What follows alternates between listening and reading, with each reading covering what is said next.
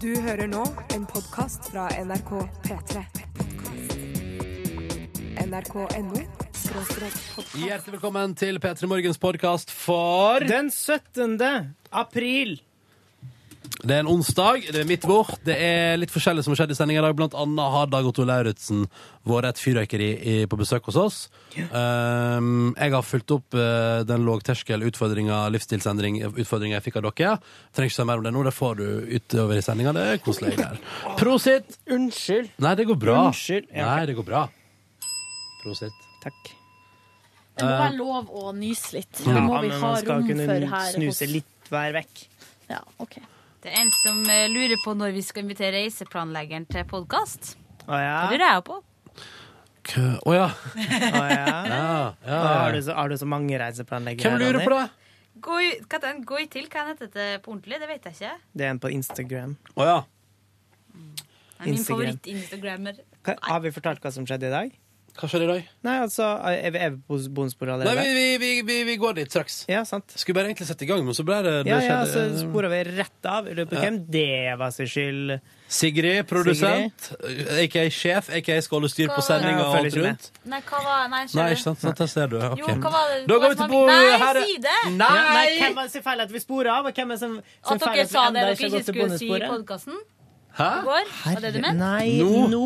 Vi har ikke Å ja, kommet oss til nei. bonussporet ennå. Vi er langt ute. Folk sitter og venter på dagens sending. OK. Har du noen kommentar til dette, Silje? Jeg eh, velger å forbeholde meg stille til det her.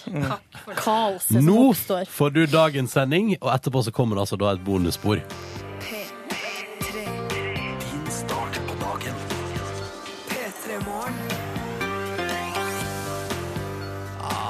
Ny dag, endelig nye muligheter. Velkommen skal du være til radioprogrammet P3 Morgen på NRK P3. Og som du sikkert hørte i bakgrunnen her, eh, den oppmerksomme kvinnen fra nord. Det er Silje Therese Reiten Nordnes! Det er rart å snakke om seg sjøl på den måten, altså å si sitt eget navn sånn. Eh, dere tror kanskje at alle nordlendinger er sånn som Christian René, som liker å snakke om seg sjøl i tredjeperson. Og det er dere jo, så det Christian stemmer jo på en prikk, faktisk. Så det stemmer jo helt på en prikk. Så i dag så skal Silje kun snakke om seg sjøl i tredjeperson. Da syns jeg vi skal legge Silje er helt awesome. Super dame. Kanskje vi skal legge ned det programmet nå, før det blir en for vond morgen. Jeg bare jossa med dere. Alt jeg sa var bare tull. Yngve Ustadreite, god morgen til deg. God morgen til deg, Ronny, og god morgen til Silje. Jeg skal bare snakke om Silje i tredje, tredje person, ja. Men Ja. ikke liksom, ja. ja. Ikke noe du og Nei, ikke du. Det blir bare Silje. Mm. Silje er awesome. Hvordan har Yngve det i dag? Yngve Nei, jeg har det, har det bra. Jeg har det fint. Det er blitt midt i uka. Jeg syns april raser så veldig forferdelig fort av gårde. Irriterer det deg, eller er det positivt? Nei, det irriterer meg litt, fordi at jeg sier jo som Bjørnson, jeg velger meg i april Nei, jeg skal ikke, skal ikke si det, men uh, Som det er Bjørnstjerne noe som- Bjørnson. Ja. Uh, og, men det har noe jeg med hvem andre Bjørnson er det? Tenkte du nå? Nei, jeg vet Ganske ikke. mange. Det finnes ganske mange som heter Bjørnson her til lands. Jeg gikk jo eh, på skole med en som heter Bjørn Bjørnson, som bodde i Bjørnstjerne Bjørnsons vei. Oi! Han, ble overkant. jo, jo, det, han var i overkant. Eller han var ikke i overkant, han var hyggelig og stille, stillfaren type. Ja, ja, ja, ja, ja. En pikenes Jens. Mm. Dette her er programmet som starta opp akkurat nå, Peter Morgen, og vi skal blant annet nå straks få et gjenhør med et uh, aldri så lite nakenbad med Anniken Huitfeldt, vår arbeidsminister. Å ja, hvem som sto for det, da? Nei, det var han. Uh, Yngve Ustadreite. Åh, Yngve Awesome. Kjempebra. Vi er i gang. Hva er det her starta? Ja, hva er det Silje har? Jeg vet ikke. Du, aller først i Petter Morgen i dag så skal vi få med oss litt grann deilig musikk. Uh, og den er det Coldplay som står for. Her er Viva la vida på NRK P3. God morgen, Oddu. du. Stas at du er våken og hører på. Dette er P3. Ah, yeah! Deilig musikk. Tre minutter på halv sju fra Mumford Sons på NRK P3. Dette er, uh, derfor sånn trompetene også, Lover of the Light. God morgen. Hør, den fortsetter litt i bakgrunnen der. Litt sånn deilig stemning. Mm. Ja. Ja. Fin låt som du fikk på NRK P3 i P3 Morgen. Tre minutter på halv sju. Det er onsdag. Det har blitt den 17. april. Og det blir en fin dag. Det er jeg sikker på. Og hvis, eh, skal du noe spesielt, du som hører på, eller er det, har du opplevd noe spesielt hittil i dag, så vil vi jo gjerne høre om det. Eh, og vi har eh, SMS-innboksen vår, som er åpen som alltid, og kodeordet er P3 og nummeret 1987. Vi tar en runde etterpå, kanskje vi sier det sånn? Ja, hvis du har lyst til å dele noe med oss, så gjør gjerne det, altså. Mm. P3 1987. eh, skal det noe hyggelig i dag som du vil fortelle oss om, eller noe dritt du kan fortelle oss om det òg? Eller har du opplevd noe hyggelig hittil? Du skal få hyggelig musikk da, frem mot uh, nyhetene. Dette her er Ghost Beach og fantastisk låt som heter Close Enough. Riktig god morgen til deg. Topplåt fra Ghost Beach. Dette var Close Enough på NRK P3 når klokka nå er snart to minutter over halv sju. Og vi skal innom P3 Nyheter en liten tur for dagens første oppdatering. God morgen, Sverre Lilleng. Hei! Vi starter i Asker i dag. Ja, for der ble det funnet ei død kvinne rett før eh, midnatt. Politiet prøvde å gjenopplive henne, men klarte det ikke. De har arrestert samboeren hennes, og fordi kvinna hadde skader på kroppen, og flere vitner har blitt avhørt. Andre saker P3 Nyheter tar tak i i dag. Det blir selvfølgelig mer om Justin Bieber. 22 000 fans var på Fornebu i går, og det kom jo like mange dit i løpet av dagen. Skulle ønske du var der, Sverre. Vi har, en, vi har en egen TV-skjerm dedikert til Bieber-cam. Ja, du vet hva, jeg vet hva? Jeg tviler ikke på at P3 har, har, har sørga for å ha live-feeden. Ja. Fulgte actionen på flyplassen i går. Følger actionen utenfor Telenor Arena. Sørga for at alt som skjer i Bieber-verden blir Kan jeg bare si at jeg klikka meg innom den streamen til, til VGTV på ett tidspunkt? På ett tidspunkt. Deg sjøl. Ja, men jeg må bare si, For en perfekt timing. Forrige, forrige gang jeg var i Norge, så klikka jeg meg inn. Så det er sånn, ok, nå går jeg innom en tur, og da klikker jeg meg inn akkurat idet han kom ut av hotellet sitt eh, og vinka. Og i går klikka vi inn, og der går flyet inn for landing. I'm just saying. Når jeg klikker meg inn for å se på Bieber-streamen, da skjer det ting. Altså, jeg klikka meg inn på streamen og kom akkurat sånn at jeg fikk se P3s egen eh, Ida Fladen og fikk tatt screenshot. Så eh, score! ja. Ja, men eh, hva er det som, er det noe spesielt eh, i Bieberland dere følger i dag, eller er det bare Ja, altså vi har, vi har jo litt sånn anmeldelser og sånn. Vi kan, vi, kan, vi kan begynne med å høre på hva eh, to fans syns. Josefine og Jenny de syns det var en knallkonsert. Det var veldig bra. Det var, alt kom på en måte som et sjokk, så det var, ja, det var veldig bra. starten. Det var utrolig kult og så veldig nytt, liksom. Ja, De drev og telte ned og sånn fra ti minutter, og så, og så var det, det var liksom bare masse kult på en måte. Men var ikke konserten helt identisk med den som var i Nederland? Og alle de andre landene? Så det var ikke helt sånn her Å, herregud, det her, jeg blir så overraska nå. Han spiller baby Men, til men de har jo ikke vært der, da. De var jo ikke i Nederland, kanskje. Nei, men det har stått i alle avisene. Ja, men, eh, ja, men Jeg skal ikke være kritisk, altså. Altså, det kan hende noen unngår konsertoppsummeringa for, for som, som, på en måte, som det var spoilers. OK! Ja, for jeg var litt i går, jeg var innom anmeldelsen og tenkte sånn, herregud, jeg skal litt på torsdag, kanskje jeg bare skal ta det helt med ro og ikke lese dette her, men jeg- ja, ja. Sverre Lilleng, du følger Bieber-hysteriet utover dagen. Ja, selvfølgelig. All right, vi snakkes klokka sju. Gjør det. Hei. P3 Morgen. Is that your grandma's? Dette var Macklemore på NRK P3 og låta som heter Thrift Shop. Riktig god morgen til deg. SMS-innboksen er altså åpen. koder er P3 nummer 1987. Og her er det altså da en anonym innsender som har mattetentamen i dag og kaller dette den verste dagen i året, med fire utropstegn bak. Har ikke sovet noe i natt. Ønsker vi lykke til. Um, lykke til, du anonyme. Du kunne tatt med navnet ditt, men uh, mattetentamen er jo helt for jævlig. Det som er bra med det, er at man kan ta med seg masse mat og godsaker. mm, med mat? Jeg bruker alltid å ha med kjeks. Hva type? Eh, Sånn setre med sjokoladetrekk. De som har en sånn liten eh, hane på seg eller et eller annet. Helt vanlig kjeks. Ja, ja. Mm. Men det er Kult. godt, og masse, masse godteri og ja, sjokolade. hvis jeg først skal inn i kjeksland, så går jeg Da, da, altså, da snetter jeg nesa rett mot eh, safariland, altså. Nei, vet du hvilken kjeks jeg brukte å ha med? Det er de der, du vet du kjøper en sånn stor pose, og inni er det sånne små poser med, Ja, med sånne små kuler med noen sjokoladegreier inni. Og det er så herlig, for det er jo mattetentamen, det er jo, altså hvis man går på ungdomsskolen, det er jo på en måte de første møtene med liksom litt sånn voksenverden. Ja, fordi der er, det, der er det ingen som står og sier sånn 'du kan ikke ha med dette'. Eh, nei, og det er akkurat det. Du får lov til å ha med hva du vil og spise. Og pluss at det er litt press, og du skal prestere. Um, og da er det litt godt å ha en flik av barndommen med seg. Mm. Ja, men Cartoonis er bra. Cartoonis og melk, har du prøvd det, eller? AG. Det er en vinner. Det er framtida innafor kjeks. Oh, yeah. du, det er flere her som ikke har sovet så godt i natt. Eh, Joakim skriver mista flyet til Kjøben i dag etter å ha stått opp etter rundt to timers søvn. Um, Joakim, det var dumt, da. Det var dumt. Og får du booke om den billetten der? Jeg mista jo selv et fly til London her eh, for noen uker siden. Det var dyrt, altså, å booke om der. Ja. Det er litt sånn, fordi det, det, det, det flyselskapet British Airways tenkte der var fredag, fredag, ja da er det mange som reiser til London. Eh, så alle flyene er jo fulle som går fra Norge til London på en fredag. Eh, men kanskje vi har et sete eller to, men det skal koste det dyrt. Det var det jeg tenkte. Vet du hva som skjedde på eh, flyplassen i Volda, Ørsta, Hovden? Det er bitte liten flyplass, da. Der eh, var det en kompis av meg som skulle fly. Det er jo Widerøe som flyr der, da. Eh, han skulle ha, ta et fly la oss si klokka fem, og så ringte de fra flyplassen klokka ett og sa sånn Hallo! Du, vi bare lurte på Nå flyr vi nå klokka eh, halv tre, og vi har ekstra plass i flyet. Har du lyst til å være med?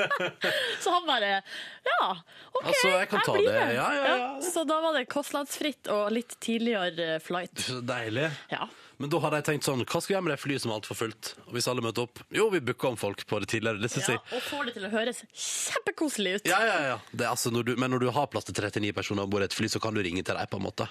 Ja, ikke sant? Du kan det. Men Joakim, lykke til. Håper dette ordner seg. Håper dette ordner seg. Feit låt på radio nå. Oh yes, dette her er Og og i kveld! I kveld, ja, i kveld Skal jo Jimmy Kimmel i kveld. Ja. Det må vi få, få tak i noen lyd av i morgen tidlig. om å gjøre å si det først. Det må vi få tak i noen lyd av i morgen tidlig. Dette er, for dette er M83 og Susanne Sundfør. Og soundtracket til filmen Oblivion den tror jeg skal gå og se på, se på kino, Og så skal hun altså opptre på Jimmy Kimmel. Det er et stort talkshow Altså, i De USA. skal vel dit begge to. Ja, men Susanne Sundfør er den viktigste for oss. Ja. Er det ikke det? At hun skal være der. Det er jo et samarbeid på et vis. Ja, men jeg, syns at det er viktigst for oss at Susanne Sundfør skal på Jimmy Kimmel. Låta er feit, da. Dette her er majestetisk og nydelig. Det er Oblivion, det er M83 og det er Susanne Sundfør på NRK P3. Riktig god morgen. Roadtrippen, dette der, Hot Chili Peppers på NRK P3 i P3 Morgen. Ti minutter på sju. God morgen og god onsdag 17. april. Aviser, vi tar en titt på deg, dagens, og det er jo, eh, altså VG har gjort det klart da. Eh, Det er én ting eh, som de mener er verdt forsida i dag, og det er et, eh, et eneste stort bilde på forsida, det er det eneste som er der, av eh, 22 000 mennesker som står i kø for å se konsert med Justin Bieber. Mm, og så står det Bieber fever! Det så faktisk Bieber feber! Ja, det gjør det faktisk. Men uh, det er jo, uh, hvis man skal se på hva det egentlig er, så er det jo en uh, vanlig kø. Altså, det er jo kø når eh, Metallica-fansen skal dit, eller Bruce Springsteen-fansen skal dit, eller eh, ja, hvem som helst ja. andre. Når det er konsert, så er det jo kø. Ja. Eh, og det det egentlig bildet av her er masse kalde ungdommer i altfor lite klær som står og hutrer i ganske dårlig vær i hovedstaden i går.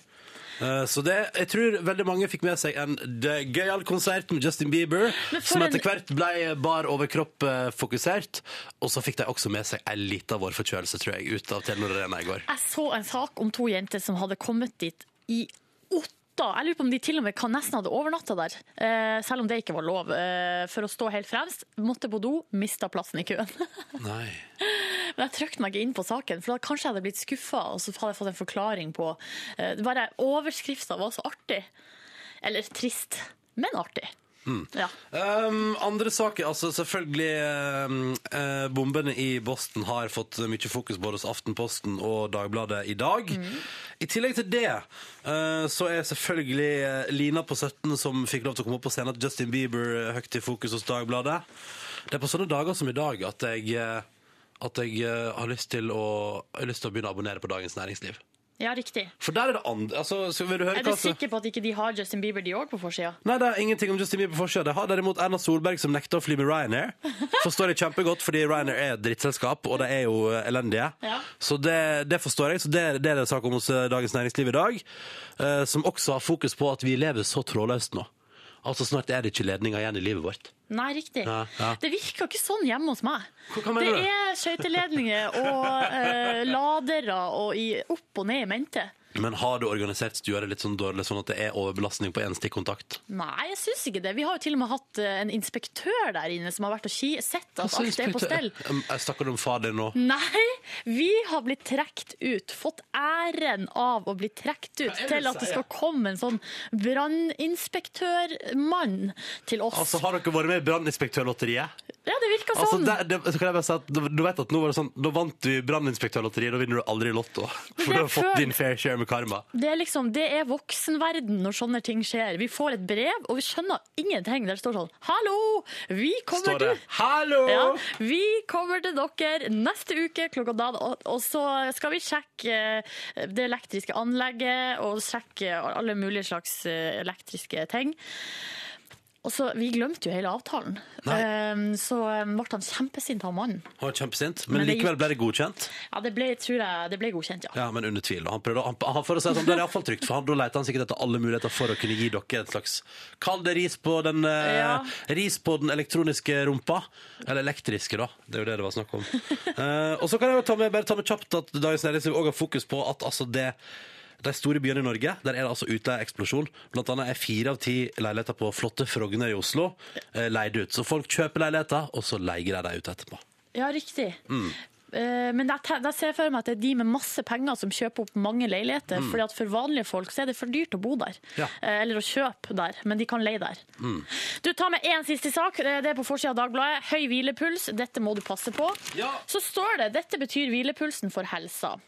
Og så tok jeg, og så står det tar du en hvilepuls mellom 81 og 90 slag i minuttet, har du dobbelt så stor risiko for å dø tidligere enn Wow. om du har hvilepuls på under 50. Så jeg har nettopp tatt pulsen min. Jeg hadde pinadø 90 slag i minuttet. Er du seriøs? Men jeg tror ikke jeg har hvilepuls når jeg er på radio. Oh, nei, oh. Så jeg har jo sagt, jeg svetter jo sånn når jeg er på radio òg. Ja, så jeg kan umulig ha hvilepuls. Det at du jobber i P3 kommer til å sørge for at du dør i ung alder. Kanskje. For da har du jo ikke hvilepuls på noe tidspunkt mellom seks og ni på morgenen. Det burde være verdt det. Jeg, vet, jeg tror ikke jeg skal ta pulsen min, for da tror jeg Hvordan er det du gjør det igjen? Jeg må ta, ta og kjenne på eh, håndleddet, og så Mm. eh, må man, kan man gjøre det i 30 sekunder, og så ganger man med to. Ok, da skal jeg prøve. Ja. Skal jeg prøve et, uh, under låta. Tenk om jeg oh, no. Oh no. Dagbladet har en forside som uh, Jeg setter 50 kroner på at du har bedre hvilepuls enn meg. Skal vi se? Ja. vi prøver under False. Her er My Number. Fantastisk låt for P3.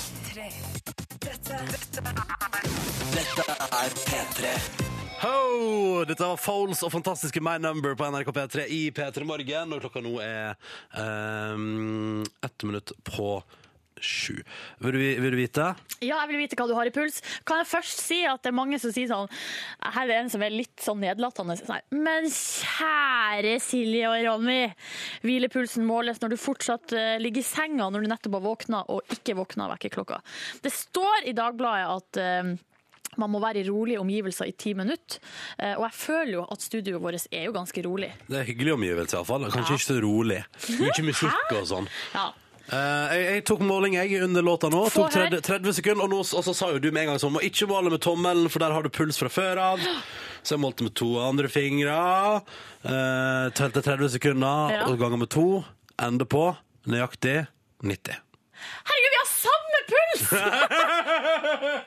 det er en egen hvilepuls. eh, Eller så er det ikke hvilepuls, da, men en egen puls for oss som jobber i radio. Ja, tydeligvis. Vi ligger på 90. Så vi må prøve, vet du hva vi må prøve?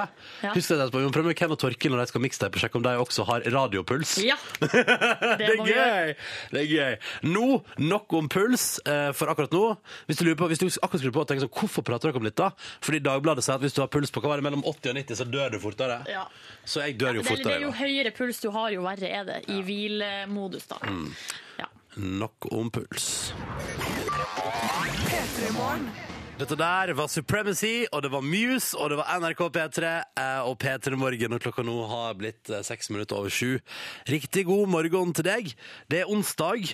Det er midt i veka, det lille lørdag snart. I morgen er det jo straks helg på et vis. Så dette kommer til å gå helt supert. Uh, her i radioen din akkurat nå er jeg som heter Ronny Helu. Silje Nordnes. Jeg rekker opp hånda. Er det helg allerede i morgen, på Nei. et vis? I morgen er det straks helg på et vis. Å ja, sånn sett, ja. OK. Sorry, skal ikke legge meg borti det. Er du ikke enig da? Jo, jeg er enig i det, men jeg er ikke enig i at i morgen er det helg på et vis. Men det er snart helg. Ja, Ja. den snarten må med. Uh, og så har Yngve Hustad Reite kommet inn i studio. What Ja. up, sir? What up? Nei, altså What up? Sånn, Dog. sånn utenom at til og med din kjæreste har eh, gått imot deg og blitt en belieber over natta. Ja, hun sa i hvert fall det, men, uh, men uh, jeg tror ikke på henne, for hun kunne bare nevne én sang. Og det understreker heller mitt poeng, da. Om eh, vårt forhold til Justin Bieber. Men eh, altså, vær så god, det er helt i orden. Jeg Du blir kommer ikke, ikke du kommer ikke til å banke henne Nei og nei, på ingen måte. Men du, det er jo ikke det vi skal snakke om. Eh, jeg har jo eh, Som dere alle vet, så har jeg levd liv. Eh, og jeg liker å dele litt på mine erfaringer og mine historier fra oppveksten. Du har opplevd mye. Ja, jeg har det. Eh, Og hvis man følger ekstra godt med i løpet av dette her nå, så er det mulig at jeg har lurt inn en liten greie som kan gjøre at du kan vinne ei T-skjorte. Altså spiss ørene når jeg forteller en liten historie fra mitt liv. Og nå skal vi en stund tilbake. eh, Til da eh, Dere visste kanskje ikke det, men jeg har òg bodd i London, faktisk. Eh, Ronny, du bodde jo i London en periode, men i- for, for ganske lenge siden så bodde jeg i, i London sammen med en god venn av meg, som het eh, Det var en musiker som heter Roger. Jaså? Ja, ja. Eh, vi eh, brukte Hva drev du med da? Nei, jeg, jeg hadde ikke jobb. Eh, jeg, jeg lå mye hjemme og lata med, men var ofte ute og gikk turer og sånne ting. da. Eh, både jeg og Roger vi var, vi var single, og det var litt kjedelig å være singel, så jeg arrangerte en double blind date. Eh, jeg hadde sett meg ut ei dame som er ei rype, som jeg tenkte kunne passe ekstremt godt til meg. Som hadde ei venninne ved navn Anita, som jeg tenkte kunne passe bra til den her Roger. Eh, og vi har vår sjarme, sjøl om vi kanskje er litt klossete og snubler litt og sånne ting. Så bryllup blei det Oi. den påfølgende høsten. Dobbeltbryllup. Yes, det blei det. Og med bryllup så kommer det ofte flere ting. Og jeg og den her nyervervede kona mi, vi var litt ivrige, og vi fikk hele 15 små. Herlige små. 15 unger? kids? Yes. Eh, og lykken den var fullkommen. Nå husker jeg ikke helt om Roger og Anita fikk De fikk vel bare én, tror jeg. Ja. Eh, men Men eh, altså- der da.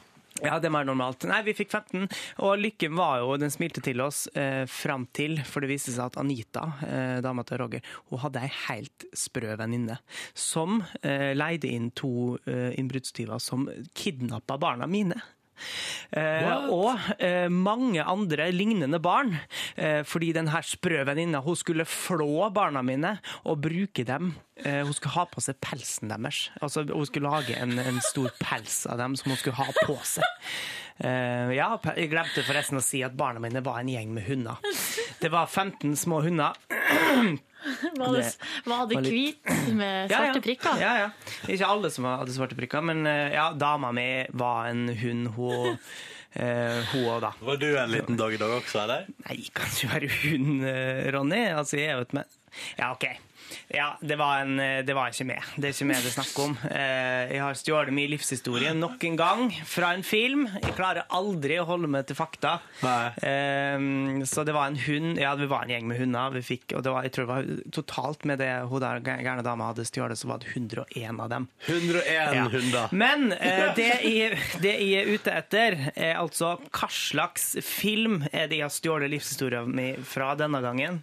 Det var det, ja. Eh, og hva, hva heter de? Altså hunden i hovedrolla. Oi, den er tricky. Ja, ikke sant? Ja, det der, sto, der, fikk du, der mista du det gliset ditt. Det aner ikke jeg. Nei, men altså, hva slags film? Det har noe med 101 å gjøre. Eh, og så er det da hovedrollen i altså den filmen her. Send- Guttehunden. Guttehunden, Ja. ja. Eh, eh, send inn svaret ditt til kodeord P3 nummer 1987, så kan du vinne ei T-skjorte og en CD. Åh, en CD. Mm. Da ønsker vi lykke til. Eh, P3 til 1987, ta med navn, adresse og T-skjortestørrelse. Hvilken film, og hva heter hovedrolla? Den manne, mannlige hunden. Mm. Uh, Jeg tror aldri jeg har sett den filmen. Nei. jeg har sett den på kino. Det var, da var det faktisk eh, Da fikk, det, da fikk Førde kino breakdown midt i der, så da måtte vi ta 20 minutter pause mens jeg fikk fiksa filmrullen. Oh, ja. Og etter det så forsvant spenninga litt, faktisk. Ja, På ok. Var det alltid pause midt i, for vi skulle bytte rull. Jeg kan, jeg kan gi et lite tips til navnet på, på hovedpersonen, eller hovedhunden. da. Det har noe med bordtennis å gjøre. Topp. OK, P3 til 1987. Her er Kanye og Chris Martin. Dette Kanye West og Chris Martin fra Coldplay og nydelige Homecoming på NRK P3 P3 Morgen. Kvart over sju, og Yngve har jo fortalt en historie fra sitt liv som etter hvert da viste seg å ikke være fra hans liv, men som viste seg å være en radiokonkurranse, hvor du som hører på P3 Morgen, kunne vinne T-skjorte og CD-plate. Ja. Eh, vi kan jo bare spille av en liten lyd som kan gjenkjenne hva slags film det er snakk om. Cruella du vil, Cruella du vil Det her, det her er Johannes Joner som synger den norske versjonen av ja. elak dame med som står still. Cruella Det står jo Johannes Joner, men han finner her synger på svensk. Er giftig som en spindel når hun det. Jo, eh, det her er altså fra 101 dalmatinere. Eh, det er jo den eh, kjente Disney-tegnefilmen. Og eh, hovedpersonen, altså hovedhunden, han heter Pongo. Pongo. Var det mange som hadde riktig? Pongo. Forferdelig mange som hadde riktig, og blant dem har jeg trukka ut, trukket ut, trukket ut Stian Rambo! Stian Rambo! Fra Lærvik! Heter han Stian Rambo? Han kaller seg for Stian Rambo. Det er det jeg kommer til å skrive på konvolutten når jeg sender ut T-skjorte og CD. Gratulerer, Stian Rambo. Vet du hva jeg, vet hva jeg og Ellie Golding pleier å si til dette her? Nei. Good time. times. Kult. Har du flere Ellie Golding-klipp? Nei, det var bare det. Ja. Men du, ja, gratulerer, da, Stian. Du er kjempeflink. Gratulerer så mye. Mm. Da blir det T-skjorte og CD i posten. Hva CD kan eh, Stian vente seg? Nå husker jeg ikke, men det er noe jeg aldri har hørt om før, som ligger på pulten min. Jeg tror det har kommet fra pulten din. Ja, kom, Ja, kom det er du som får tilsendt flest CD-er.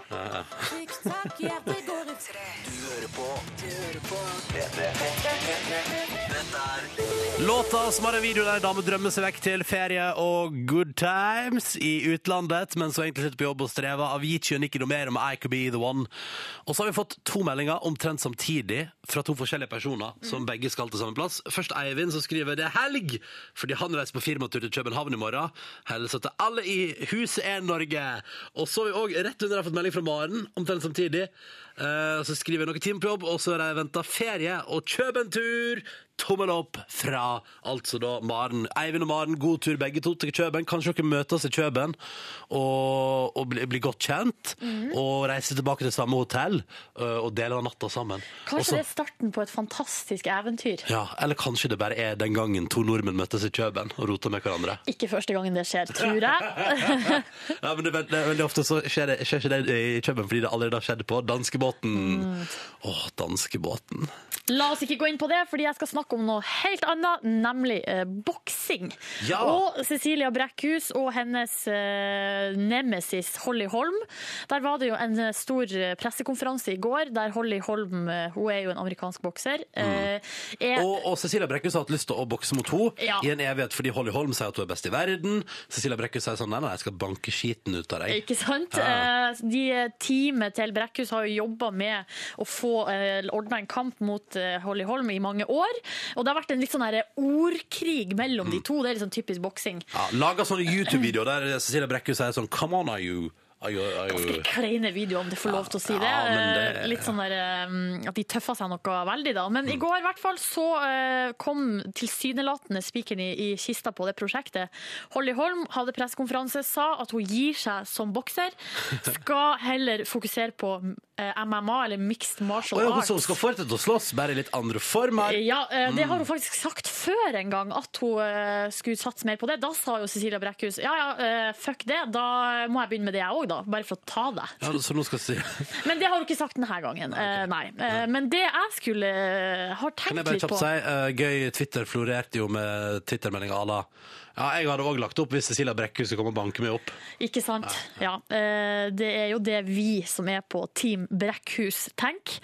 Men en annen ting som jeg står og tenker her, er at jeg føler at i alle sakene, alltid når det blir snakka om de her boksekampene, så blir det alltid sagt eh, det er fansen som vil ha kampen. Det er bokse, det, det, boksefansen vil ha det. Det er pengene som styrer, det er markedet som bestemmer. eh, og det er derfor Cecilia alltid har sagt det kommer til å bli denne kampen, fordi fansen vil ha den. Ja, ja, Eh, og hun sier jo uttaler seg i Dagbladet i dag, i sportsseksjonen. Hun er skuffa på vegne av eh, Eller nei, det er en presseansvarlig ja, for Brekkhus sier. Skuffa eh, på vegne av tusenvis av boksefans som ville se denne kampen. Og i, på nrk.no så sier de at nei, døra er faktisk fortsatt litt på gløtt, fordi at proffboksing styres av interesser, eh, og interessen til publikum. Og da kommer jeg til mitt poeng. Eh, en annen type fans som også f- er veldig på og vil ha, eh, og vi bare tar det de vil ha, Er det Bieber-fansen. Selvfølgelig. Er boksefansen og Bieber-fansen litt eh, lik? Ja, det er de faktisk. De ene er opptatt av folk som slår hverandre, de andre er opptatt av en eh, gutt på 19 fra Canada. Eh, men begge Men ja, det er jo et slags eh, Det høres jo ut som at hvis fansen kan kreve Brekkhus og Holly Holm tilbake igjen i bokseringen, og nå skal de slåss Ja, så tenker er jeg vi det litt lik. Det er litt sånn som eh, at Beliebersene bare tenker sånn Altså, hvis vi er nok jenter på 14 som stormer det gjerdet her, så ryker det Ja, gjerdet ikke sant? My point, exactly! altså, døra inn til Grand Hotell er lukka, men hvis vi bare presser på her nå, Ja. så går det. På samme måte som døra inn til Holly Holm sitt comeback er lukka, men hei, hvis boksefansen vil Never say never! Never say never!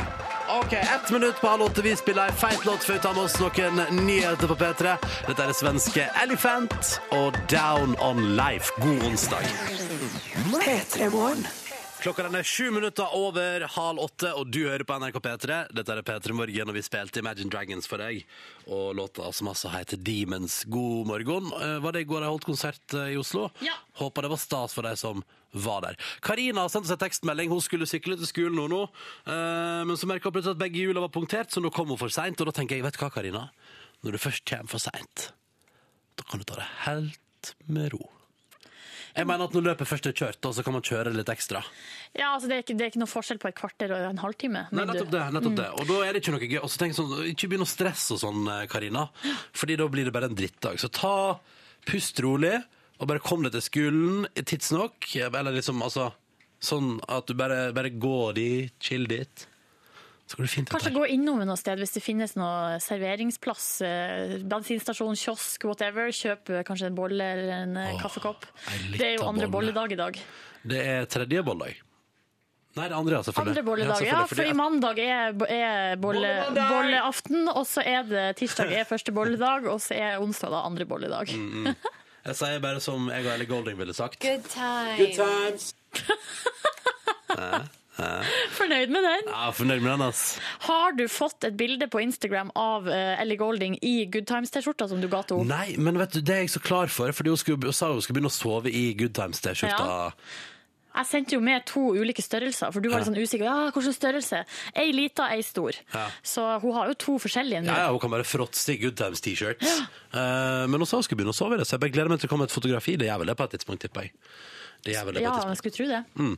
Um, jeg eh, driver og Altså, eller Du får utfordringer hver uke, Mm. fordi at eh, du har eh, drevet og masa så mye om at du skulle eh, ta grep om livet ditt Ja. eh, nå i mange år. Ja. Eh, lova ting, sett deg mål, og så blir de målene litt for hårete. Ja.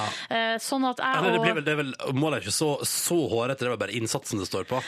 Ja, eh, men det, det målet du hadde om å ikke spise junkfood på eh, 40 dager, det ble jo litt for hårete for deg. Ja.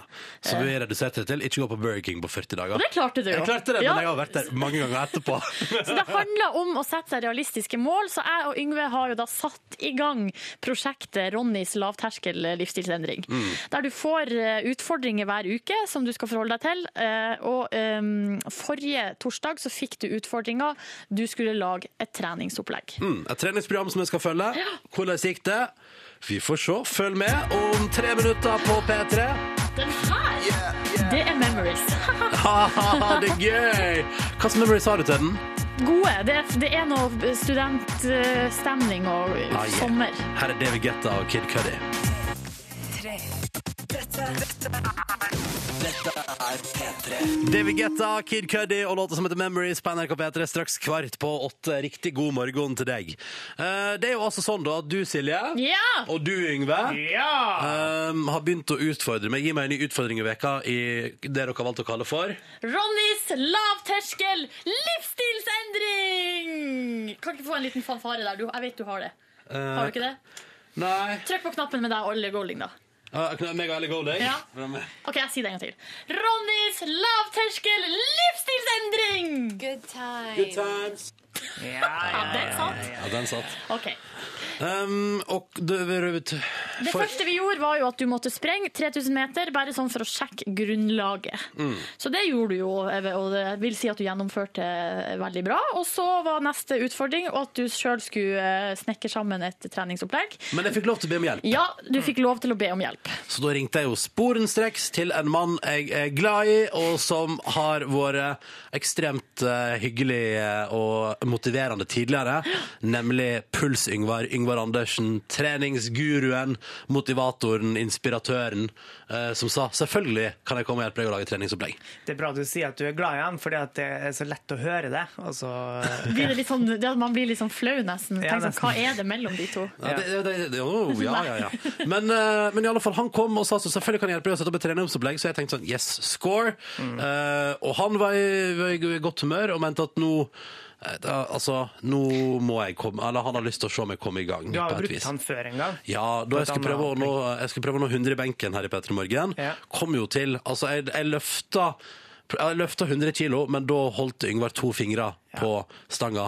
Ergo, eh, det gikk ikke helt. Ja, Og alle, alle andre enn det eh, godkjente det løftet. Men du møtte altså Puls-Yngvar i går, eh, og nå har dere satt eh, opp treningsopplegg, da, eller? Ja, Um, først tenkte jeg sånn, nå må jeg lodde litt stemning, for jeg, jeg sprang jo 3000 meter forrige uke, Uh, på 22.13. Og tenkte sånn, jeg må bare høre med Yngvar hva han syns om innsatsen min på, på 3000 meter. og klokka inn på 22.13, er det ok, eller? Vet du hva, det er sånn nybegynner to-nivå, det vil jeg si. Nybegynner 2. Ja. Ok. Så, så det, er, det, er, det er ikke bra, Nei, men, men. Det, er ikke, det er ikke helt forferdelig. Nei, ok, så det er, ikke, det er ikke krise. For jeg var sånn under 25, da, da er jeg iallfall fornøyd som en start. Ja, ja, ja. Ja, og så Nei, tenker jeg syns det, jeg eh, syns det er bra. Du, du, altså, du er jo eh, ikke lett. Nei. Eh, og da eh, er det tungt å springe. Mm. Men, eh, men da har du klart Du, holdt, du klarte å, være i gang hele veien. I gang hele veien, ja. ja. Imponerende. Takk, Ja. takk, Ingvar. Du, du trenger ikke skryte av meg hvis du ikke mener det. Nei, det mente jeg. Ah, bra, bra, bra, ok. Jeg er nøktern, vet du. Ja, ikke sant? Ok.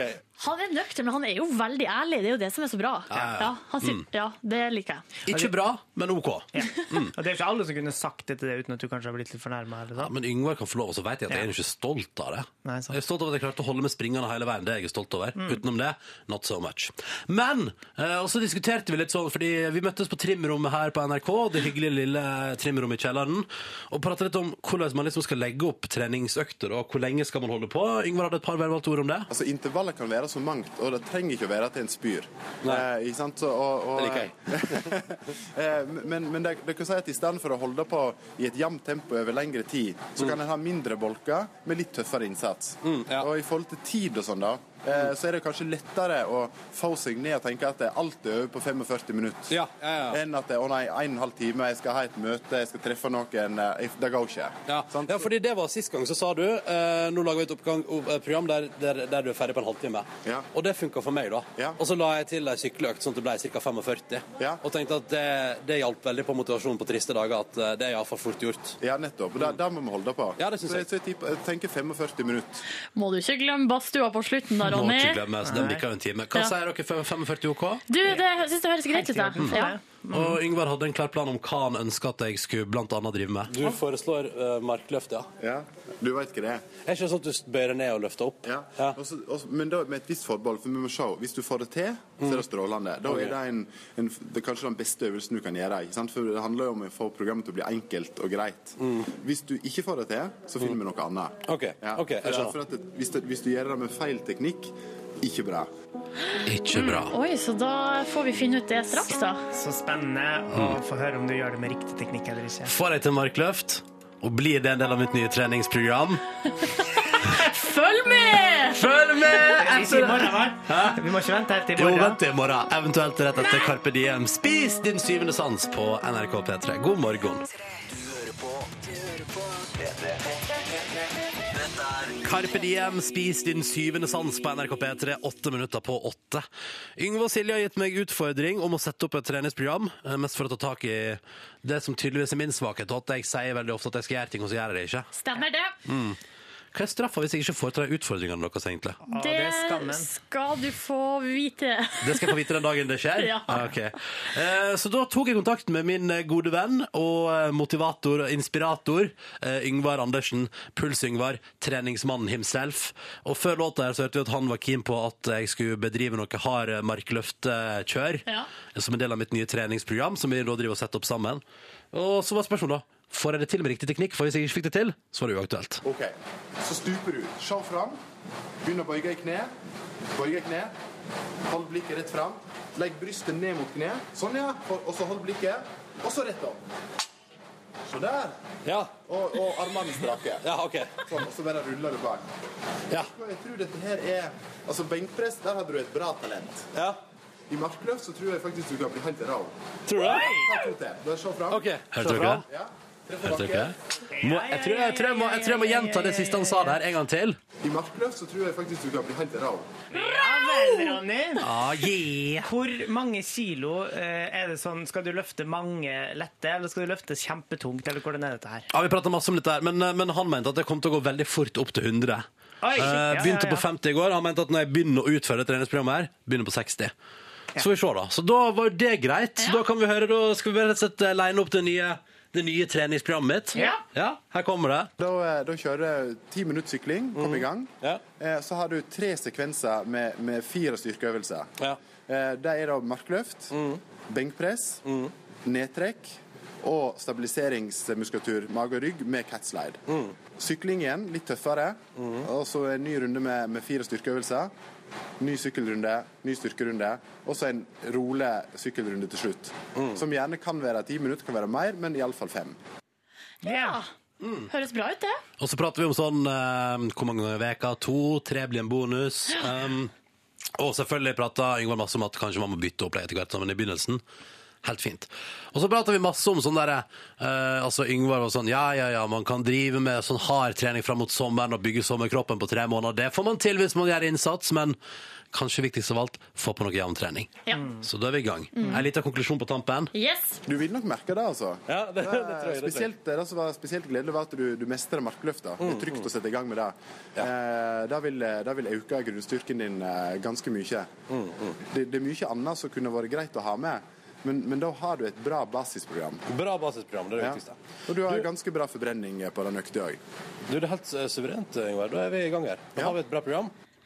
Oppdrag utført. Tusen takk. tusen takk. Det blir spennende å se da. Jeg skal gjennomføre min første runde med det treningsprogrammet her i dag. Ja, kanskje du skal lære meg markløft? Jeg Ja, kan prøve. jeg har lyst til å lære markløft. Jeg er så redd for at, altså, man sier at hvis du, hvis du løfter feil, da ødelegger du ryggen din. Mm. Og Derfor har jeg aldri turt å løfte ordentlig. Yngvar sa at du, du skal være forsiktig med ryggen, men du skal ikke være redd for å trene den. Nei, Hører jeg bare, sit- jeg bare sitere? Kanskje du viser meg og Silje nå hvordan vi tar et markløft mens vi spiller litt musikk? Kanskje jeg kan gjøre det? Ja. Vi får se. løfte Silje? Jeg tror jeg skal forresten jeg skal lage en bitte liten bloggpost med mitt nye treningsprogram som jeg skal legge på P3N og P3 Morgen i løpet av dagen, så kan du se det hvis du vil. Ja. Men da har jeg et basisprogram. Ja. Fornøyd? Bra jobba. Veldig Tusen fornøyd. takk. Tusen takk. Taylor Swift feirer vi med 22. God morgen. Dette der var Taylor Swift og godlåta 22, altså. Ai, ai, ai. Den er fin. Uh, så den fikk du i P3 Borgen Da var det et halvt minutt på åtte. Kan jeg ta med, jeg må bare si en ting til om det der eh, treningsopplegget mitt. Ja. Om antall repetisjoner, som Ingvar prata om. Ja, riktig. Uh, og han sa du skal etterstrebe at du blir skikkelig utkjørt av ti repetisjoner. Ja. Og så hvis du tar 12-13, så mente han at da er det for lett. Og hvis du tar sånn sett, ja. ja. Og hvis du tar 7-8, så skal du si deg fornøyd, men kanskje alltid etterstrebe at du får til 10. Jeg har lært, Det er veldig rart, for nå lærte Eller Vi hadde en liten uh, markløftsesjon her i studio nå under låta.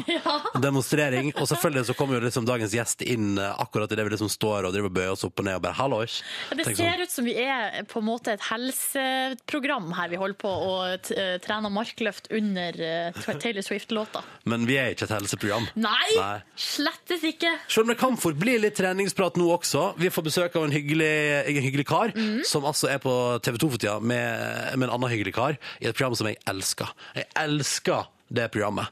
Skal vi først høre på stemma? Ja. Vi ber jo alle gjestene våre om å spille en liten helsing som det første de gjør om morgenen.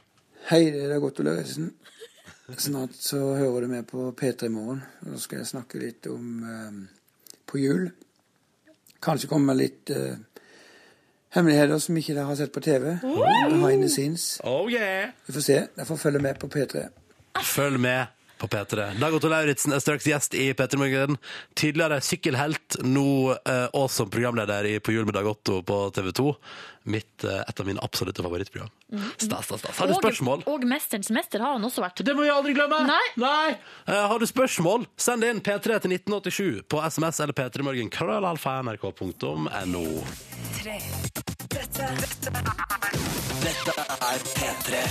Florence and the Machine på NRK P3 og nydelige Never Let Me Go. Sju minutter over åtte. God onsdag og god morgen til deg som hører på. Håper altså bra til denne 17. april som det har blitt nå. Her i P3 Morgen har jeg som heter Ronny og Silje Nordnes. Vi har fått besøk. Dag Otto Lauritzen, velkommen. Takk for det. Um, du, du, du, du, du, du, du. Du ser veldig eh, sunn og uh, tan ut. Altså, du er veldig brun. Ja. Er du Eh, alltid sånn? Jeg syns du alltid ser sånn ut. Ja, men altså, jeg ble mobba fordi at Christian Ødegaard, som er min beste reisekamerat, han sier at jeg ligger i solarium hele tida, men det gjør jeg faktisk nesten aldri. Så det kan jeg skrive under på. Men jeg har vært på påskeferie. Jeg er mye ute i frisk luft. Så derfor så får jeg kanskje lett farve. Ja, hvor- hvor gikk påskeferien i år? Den gikk på Hovden. Det har eh, liksom mitt drømmested, eller vårt drømmested. da. Så vi har ei hytte der, og der slapper jeg godt av. Mm. Eh, og for tida på fjernsynet så ruller sesong to av et av mine absolutte favorittprogram, eh, På jul med Dag Otto. Eh, det er veldig gøy, altså. Du og Christian Ødegaard er på, er på tur sammen rundt omkring i verden og sykler, da. Det er det dere driver med, sykling stort sett. Og litt fjas også. Litt fjas. Eh, Jeg må jo si at jeg føler meg privilegert. For eh, hobbyen min er jo å sykle, og jeg levde jo av det tidligere, og nå kan jeg leve av det og reise samtidig, som jeg har jo hatt det utrolig moro med. Jeg har vært eh, først en runde i Europa, og så nå i siste serien så har vi vært rundt i verden. Og da har vi jo vært i Sør-Afrika, vi har vært i Japan, og vi har vært i Colombia, USA, Frankrike, ja, you name it. Men sykkelsporten, er den, ut, den er utbredt over hele verden? Ja, sykkelsporten er en internasjonal stor idrett. Og vi prøver jo å komme litt innom og treffe folk som jeg har blitt kjent med i min karriere og sånn. Men uh, i tillegg til at jeg prøver å lære litt folk opp om sykkelsporten, så prøver jeg jo å lære Christian å pushe han sånn at han blir litt bedre.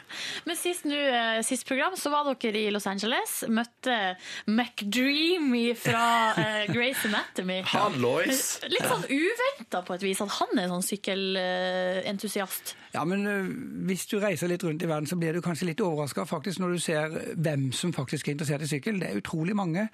Og Annbjørnsen, for eksempel. Hvem skulle ane at han som sitter nede i Hamburg og skriver bøker, elsker sykkel? Ja, men Man ser først at han bare sitter inne og røyker og drikker. Ja, men han gjør ikke det. Han elsker Tour de France, han elsker og han elsker sykkel. Og det gjør Yes. McDreamy òg, så jeg ble kjent med han gjennom en ex, eh, en annen eh, kollega som er ute og trener med han og sånn, og fikk kontakt med han. Og han inviterte oss hjem til seg, og vi var hjemme hos han, og så var vi ute og sykla med han. Det var veldig artig. Vi, vi, vi har et bitte lite klipp vi hører på det.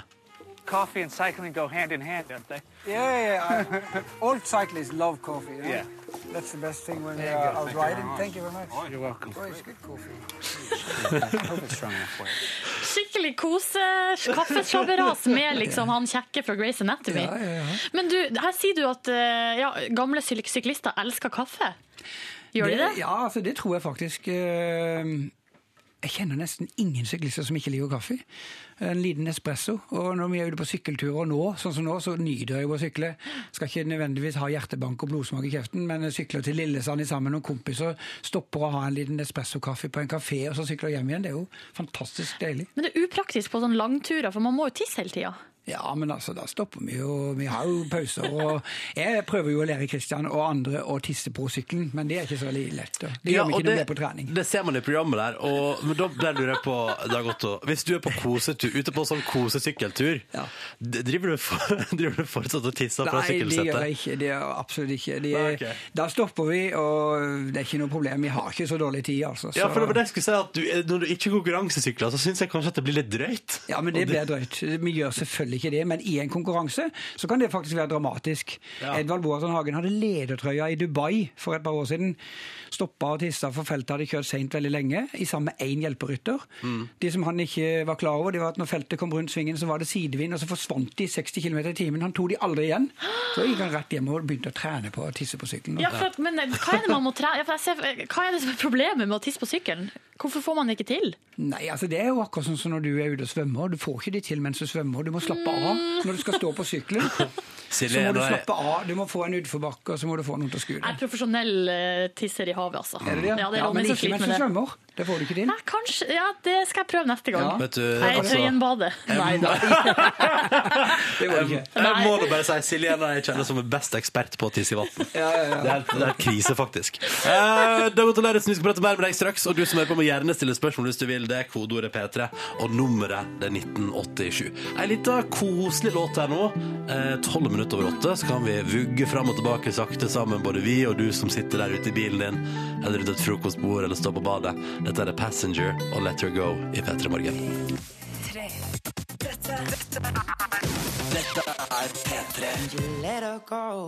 Og den tar seg god tid på tampen her. Trine skriver at vi redder dagen hennes nå med litt eh, Passenger Let Her Go på NRK P3. 16 over 8. Og her i P3 Morgen har vi altså besøk av Dag Otto Lauritzen.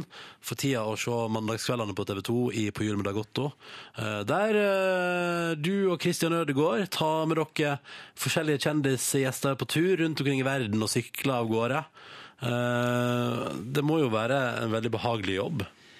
Ja, altså Det er nok mer stressende enn mange aner. Eh, Vi skal lage et program eh, på ganske kort tid. Vi reiser som regel én uke per program. og Du reiser til Colombia. Har med deg Truls Svendsen og Abid Raja f.eks. Og så skal filme da i fem dager. og Det skal bli en times program. Så vet jeg ikke, Hvis du kan litt om TV, så vet du at det tar faktisk Vi jobber 12-14 timer i døgnet, men vi har det sinnssykt moro. Ja, det tror jeg på. Og så altså, liker jeg veldig godt, fordi av og til så Blant annet i, Dere er i Nord-Frankrike og skal drive og, og lage mat. Og der lurer jeg på eh, Der tror jeg du, Dag Otto Lauritzen, som har ansvar for å lage mat, blir litt for tipsy på vin litt for tidlig på kvelden til å få det helt til. Nei, ja, ja det ser sånn ut. Det var- gjør det, det gjør det. Ja, men altså, det hadde ikke noe med vin. Men de prøver jo hele tida, så er jo jeg liksom gourmetkokken. Og hvert land vi har vært i, så har jeg vært på et kokkekurs. Og, og, og eh, med egentlig delt lykke eller flaks eller uflaks hele tida. Og de prøver å sette meg opp og gi meg sånn tips om oppskrifter, og så er det helt feil. Men oh, ja. der eh, i Frankrike så smatt, satte vi jo inn desserten f.eks. med plastikkoppene inn i ovnen, som vi holdt jo på å lage de kaos i det huset. Så det går som regel feil, men det smaker godt til slutt. det. Er godt. det er godt. Um, og så har vi um, et klipp fra den første programmet denne sesongen, der uh, Christian skal gå og bli, bli til ei sånn hva kan man kalle en heksedoktor? Voodoo- Voodoo-kjør? Voodoo Spådame. ja, eller spådame. Ja. Hun Mm. er liksom uh, Sør-Afrikas svar på Snåsamannen. Altså, jeg ble Mm. helt sjokka. For det som skjer er at dere skal inn dit fordi Christian skal prøve, man skal prøve å finne ut hvorfor altså, For han er litt dårlig form, og så finne ut hva er det som er nøkkelen her. Ja, så er han litt redd. Ja. Jeg prøver å lære han til å ta, utfordre seg sjøl og tøye sine grenser. Han er litt for forsiktig. Men så leser hun han så godt at du blir gira av å prøve også. Og da Vi må bare, vi må bare høre et bitte lite klipp. You did invested some money somewhere, but it never came right. So Og det stemte. Det der er skummelt. I don't think you should say more. du, du, du ble rett og slett litt for godt lest av dama her. Ja, jeg ble helt satt ut, for det er helt 100 sant det her. Ja, for dette er ikke Eh, filmtriks. Det er ikke filmtriks. Vi hadde tenkt å gå til en annen sjaman som uh, researchgruppa hadde funnet, men det var sønnen til en sjaman, og, fant ut at det var litt sånn useriøst. Eh, og så fikk vi tips da siste dagen om denne dama som egentlig er sånn veldig eh, kjent i Sør-Afrika. Folk landfarter for å komme til henne. Og vi kom til henne Alt det hun sa, det stemte. Hun snakka om eh, mitt hjerte, som jeg har hatt hjerteproblemer. Jeg hadde just fått astma, det visste hun. At jeg hadde gjort noen dårlige investeringer. Hvordan skulle hun vite det? Mitt forhold til min far, eller mitt forhold til min kone. Altså, hun sa så mange ting som var så spesielt at jeg kjenner at jeg fremdeles får gåsehud når jeg tenker på det. Det, du tar deg Ja, på det var, he- det var helt eh, Vi Yes. kunne absolutt ikke ha alt på TV, det er helt sikkert. Ja, men hvordan føltes det? Å sitte, fordi Jeg regner med at du gikk inn med innstillinga 'dette er nå bare humbug'. Akkurat, det gjorde jeg. Og øh, jeg er jo skeptisk, øh, sånn i hvert fall av natur, når det gjelder sånne overnaturlige ting, men der er mer mellom himmel og jord. Og nei, det, var, det hjalp òg. Altså, Christian han var helt annerledes når vi kjørte det løpet som vi kjørte i Sør-Afrika etter at vi hadde vært hos hun dama. Så eh, Sangomi eller noe sånt heter det der eh, det hun er. Ja. Eh, Så kjørte Kristian, han satt ny personlig rekord i fart og kjørte i feltet. Det var jo 35 000-36 000 deltakere, det er verdens største sykkelløp i kjøttet. Så han var et nytt menneske. Så jeg tror eh, kanskje Kristian skal ned igjen og få litt mer eh, input fra henne. Det spørs det. Men, hvor, men eh, på, når dere er på tur, og jeg regner med at dere blir litt sånn Altså, det er, matlaging og sykling, og dere oppsøker sånne heksedoktorer liksom helt sånn tekst Altså, hvor, hvor godt kjent har du blitt med Kristian etter hvert? Ja, veldig godt kjent. Jeg kunne sagt ganske mye her som jeg tror Kristian ikke hadde blitt så fornøyd med. Nei, Vi kjenner hverandre på godt og vondt, og egentlig så er vi gode venner. De ser det jo, vi har glimt i øyet, selv om vi mobber, og jeg pusher jo han kanskje litt mer enn jeg ville pushe andre. Men blir du litt sånn irritert over at han ikke har like mye sånn vinnerinstinkt som du Ja, har? jeg blir litt fortvila. Jeg blir Ja. irritert. Og så blir jeg Du kan si Kristian er en fantastisk type. Han, har jo, han er multikunstner og et eh, fantastisk talent og en utrolig fin fyr. Men han har noen ting, og det er at han kommer jo alltid for seint. Men det er vel det som skiller toppidrettsutøvere fra vanlige folk, eller oss. At vi liksom ikke har det der ekstra det der som og, seg man og kanskje ikke har tro på seg sjøl. Altså, jeg husker vi sykla opp Mont Ventoux, som er et legendarisk fjell i Frankrike. Da hadde vi med oss Trond Espen Seim, Anders Basmo og Ingrid Bolse Berdal. Da skulle han ha konkurranse, selvfølgelig. Han ville jo gjerne slå Trond Espen Seim og sånn. Og så holder han igjen. Første timen oppover det fjellet så kjører han så forsiktig at på slutten så kan han jo gi gass, men da var det for seint, og da var han jo irritert i et halvt år etterpå at han ikke hadde kjørt litt hardere i begynnelsen. Så han tør ikke pushe seg sjøl. Så Mm. jeg har lært han en del om det, og jeg syns han er blitt mye bedre. Er det mantra til Dag Otto Lauritzen eh, at vi må pushe, pushe oss sjøl litt? Ja, i hvert fall tøye sine grenser og komme utfor komfortsonen, for da vet du at du klarer faktisk mye mer enn du tror. Så det gjelder jo egentlig alt. Du bør ikke være toppidrettsmann. Det, det å tore å utfordre seg sjøl litt, det tror jeg du vokser på. Kloke ord der. Eh, Straks tenkte vi vi skulle få deg til å rangere dine favorittreisemål som eh, for sykkel, Dag Otto. Vi skal ta det straks i P3 Morgen. Og hvis du som hører på det renner inn med gode spørsmål, la det fortsette. P3 til 1987. Først åtte på halv ni. Her er Marine and the Diamonds. Dette er P3. P3. Litt av Marina and the Diamonds på NRK P3. I'm not a robot. Klokka den er fem minutter på um, halv ni. Og du hører P3 Morgen, som har besøk av Dag Otto Lauritzen. Uh, og så tenkte vi, Dag Otto, at vi skulle ta uh, nå og du, altså, du har jo nå i straks ferdig med to sesonger på TV, da, med På hjul med Dag Otto, der du reiste rundt i verden og sykla, og vært på ferie, og, eller ikke på ferie, da, men det ser ut som dere er på ferie og koser dere. Og så har du jo òg, som proffsyklist, eh, sykla omtrent verden rundt. Det må være lov å si. Ja, det kan du godt si. Altså, For å si det sånn, verden rundt, det er ca. 40 000 km rundt jorda. Og når jeg var, når jeg var aktiv, så sykla jeg mellom 35 og 40 000 km i året. Det er ganske langt. Så da kan du, I 15 år så har jeg sykla mellom 35 og 40 000 km i året, og det er mer enn mange kjører med bil. Det, Det setter det litt i perspektiv. Ja, det er det. Og du har noen kilometer på baken nå, altså. Vi tenkte Ja. vi skulle ta en liten oppsummering. En slags, kall det en slags topp tre. Hvis man har lyst til å ta med seg sykkelen sin en plass og reise på tur, hvor reiser man? Skal vi begynne med nummer én? Det er utrolig mange fine steder jeg har sykla, men eh, jeg kommer tilbake til at et av mine favorittsteder er faktisk Italia. Jeg elsker italienerne, lynnet til italienerne. De behersker trafikken selv om det er et kaos der nede. De har et temperament. Allikevel så er italienerne så høflige med oss syklister. Så har de en fantastisk espressokaffe og så god mat. Men hva er det som gjør at de er. De har jo ja, temperament. Hvorfor er de så mye hyggeligere i trafikken enn vi er? Nei, altså, Nordmenn. burde, flere burde reise ned til Italia og se hvordan det er. For her hjemme så er de så utålmodige at de dyter på deg bare du ligger to ved siden av hverandre. og Kanskje det er ti sekunder til du kommer rundt en sving, så kan de kjøre trygt forbi. Allikevel så skal de forbi midt i svingen. I Italia så har de tid til å vente, de hilser og vinker. Så Toskana, men det, i Nord-Italia er det jo det er mange fine steder i Italia. Men jeg liker meg veldig godt rundt Lucca og Toskana. Luca Toscana. Ja. Anbefaling der, altså. Ta med sykkelen og reis dit. Og der kan du leie sykkel òg. Og der er masse guider der nede som snakker norsk og snakker engelsk, og du kan få god veiledning. Så aktiv ferie, det anbefaler jeg. Mm. Og en tur til Italia. Hva, hvis vi skal gå videre, da, Dag Otto, hva, hva vil du anbefale mer enn Italia? Jeg har vært en gang i Sør-Afrika i sammen med Christian Ødegaard. Eh, Da kjørte vi verdens største sykkelløp som går rundt Kapp til Gode Håp. Mm. En utrolig fin løype på en eh, 11-12 mil. Det var 5 36 000 deltakere som sykla sammen med oss, sammen med Are Sende Olsen blant annet. Ja, ja, ja. Nei, det, var, det var, ga mersmak, så der har jeg lyst til å ned igjen og ta med meg familien, kona og kanskje barna mine som nå begynner, som er voksne. Ja, for jeg har sett det programmet, det ser, det ser jo helt fantastisk ut der. Utrolig fin natur. Men, og, og mye å sykle til og med på safari der. Det var farlig, men det var, det Det må være farlig, ja. Det er farlig. Det var litt over grensa for eh, hva vi burde gjort. Dere holdt på å bli drept av den er- der. Vi er de første som har jo fått lov til det, og det er kanskje de siste som får lov. For Det- det tror jeg vi, vi var veldig nærme neshorn, og de kan jo velte sånn en, teng, sånn en bil som vi kjørte i. Ja. Shit. Men du, det har gått og jeg skulle til å si Sør-Afrika. Ja, St- også- Stemmer det også at det er ganske altså fordi Mitt inntrykk av å sette på TV, nå har jeg kun sett på TV da, ganske sånn flatt og fint? Ja, men liker du flatt og fint? Jeg syns det er deilig når det er litt fjell òg, men uh, vi har litt utfordringer. men det er så fin natur langs kysten der, og det er noen små bakker, men eh, det er fint å sykle der. Og jeg syns det er en kombinasjon. Både med fjell og altså, sykle ned i Alpene. Du kan, eh, Jeg elsker jo Frankrike, jeg kjører jo Tour de France hvert år, så jeg kan jo ikke eh, komme unna det. Ta oss en sykkelferie der nede. Der kan du kjøre i dalene. Hvis ikke du har lyst til å ha fjellene, men så kan du kjøre over Galibier, over Alpe d'Huez, over disse fjellene som du ser på TV i Tour de France.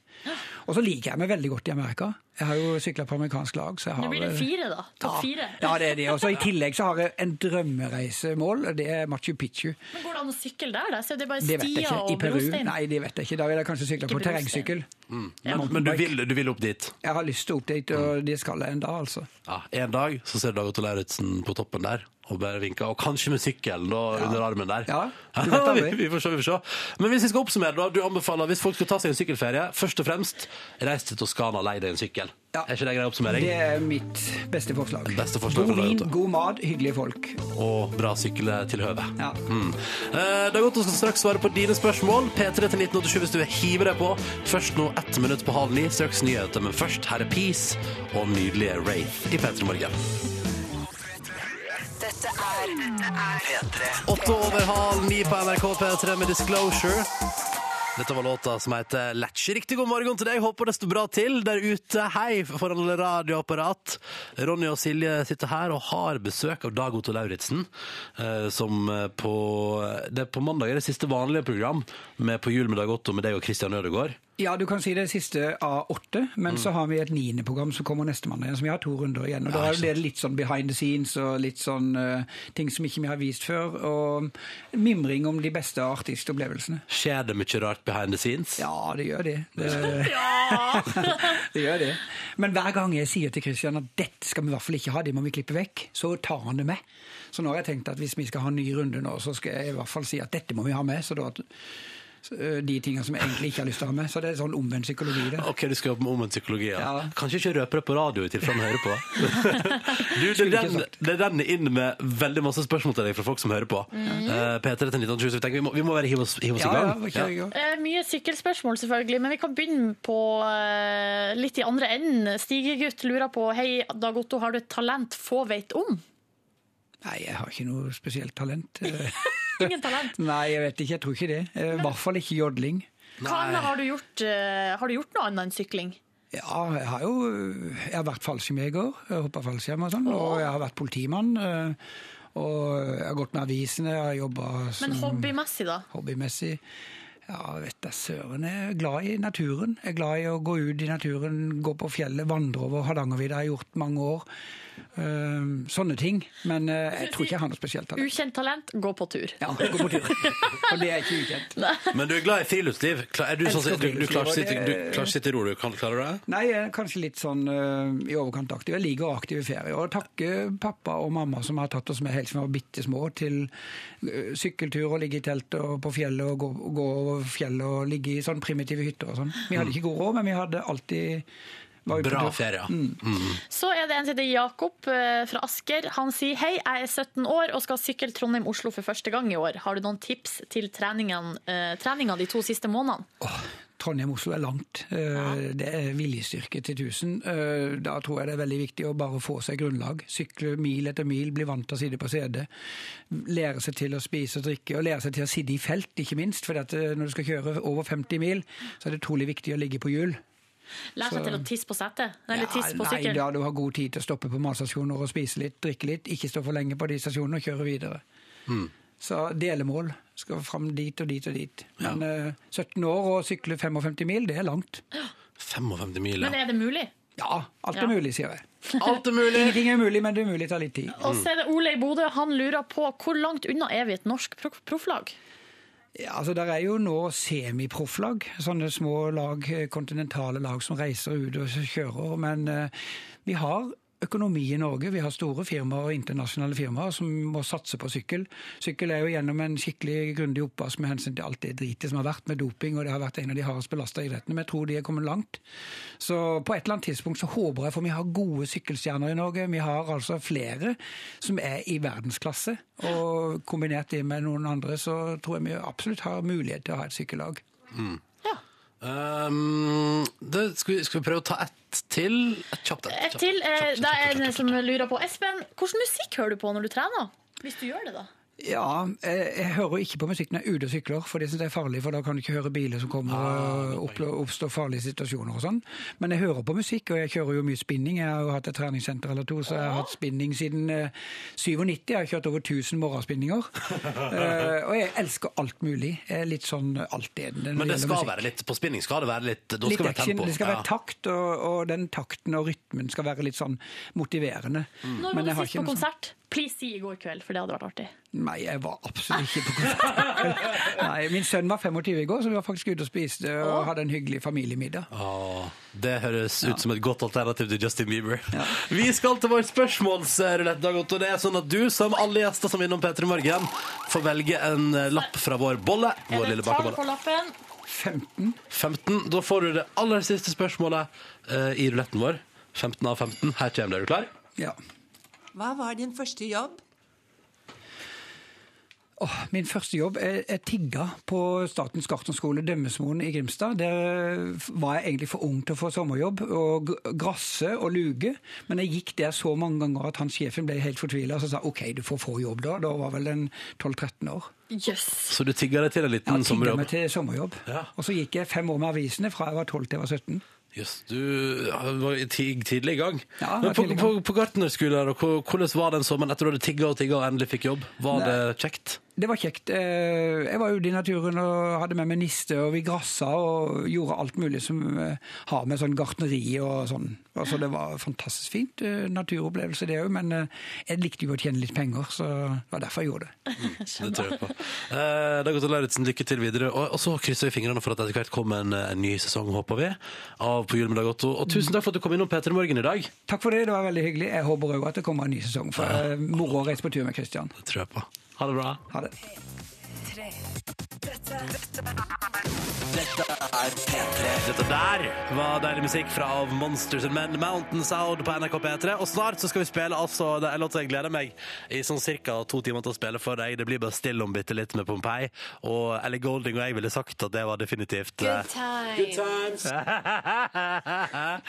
God morgen. Jeg liker for, Kan jeg forresten også bare si før vi går i gang, Yngve Hustad Reite, du har kommet inn i studio. hei, hei, hei. Men jeg ser at eh, Chef Paul har tvitra til Ellie Golding og sagt at hun må legge ut bilde av seg sjøl i Good Times-T-skjorta. Det må gjerne flere gjøre. Ja. Ja, gjør det!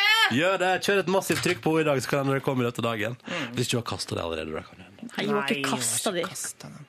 Vil du helst ha bilde av at hun ligger og sover med T-skjorta? Hvis nei, jeg dere vil kan ha- bryte seg inn eh, Nei. på rommet til Elliot og bilde mens, mens hun sover Det oppfordrer du selvfølgelig ikke til. Jeg, vil, det jeg, vil ha, jeg, vil ha, jeg, jeg ser for meg at det kuleste hadde vært hvis hun liksom står i en sånn kul urban setting og ser litt sånn tøff ut og kul ut, eh, med den T-skjorta på, og gjerne et lite smil.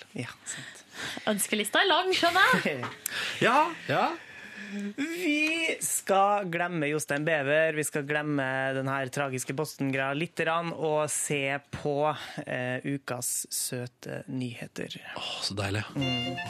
Fordi det er slik at eh, det skjer gode ting her i verden òg, og ofte må vi gå til dyrenes verden for å finne det aller, aller søteste. Blant annet en fantastisk video som nå ligger ute på internett av en hund som har vært sperra inne i tolv år. Og det er litt trist, da, men nå får gå ute på gresset for første gang. Den lille hunden Lizzie ble endelig sluppet ut. Eh, Hun bodde i en ulovlig kennel eh, der man bare skulle avle fram valper. Men eh, nå har noen redda henne, og så sluppet hun ut på gresset, så hun er ute og går og spankulerer. Da, ikke sant? Koselig. Fantastisk følelse for henne. Søte nyheter. Vi skal holde oss i hundenes verden, der det er en hund som adopterer et helt kull med kattunger. Det her var hunden Chloé som fikk valper i august, men så trenger ikke de eh, omsorg lenger. Eh, Og så ble Chloé lei seg når eh, hennes barn stakk av. Vet jo alle hvordan det kan føles?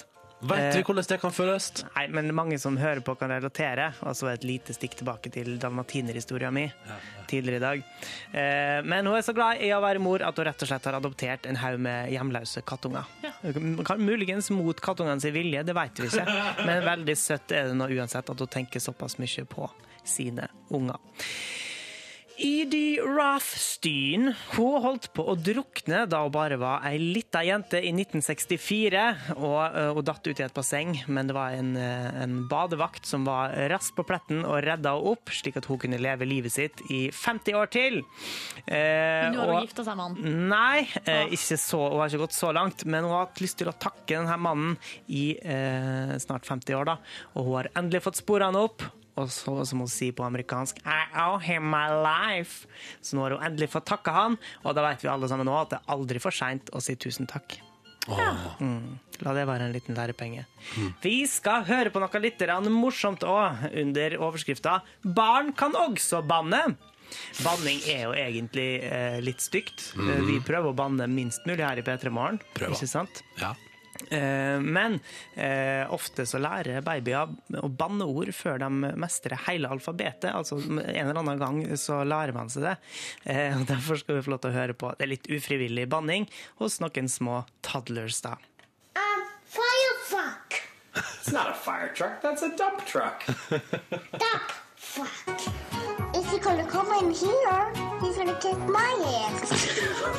What's it called? It's a frog, Andy. A frog. Ikke sant? Det er vel unge som ikke kan prate. prate. eh, og så blir de selvfølgelig oppmuntra til dette her. Jeg har et lite klipp til. Men gå inn på p3.no P3morgen og se på denne videoen. Det er en fantastisk morsom samling av YouTube-videoer. Eh, vi tåler litt til. til.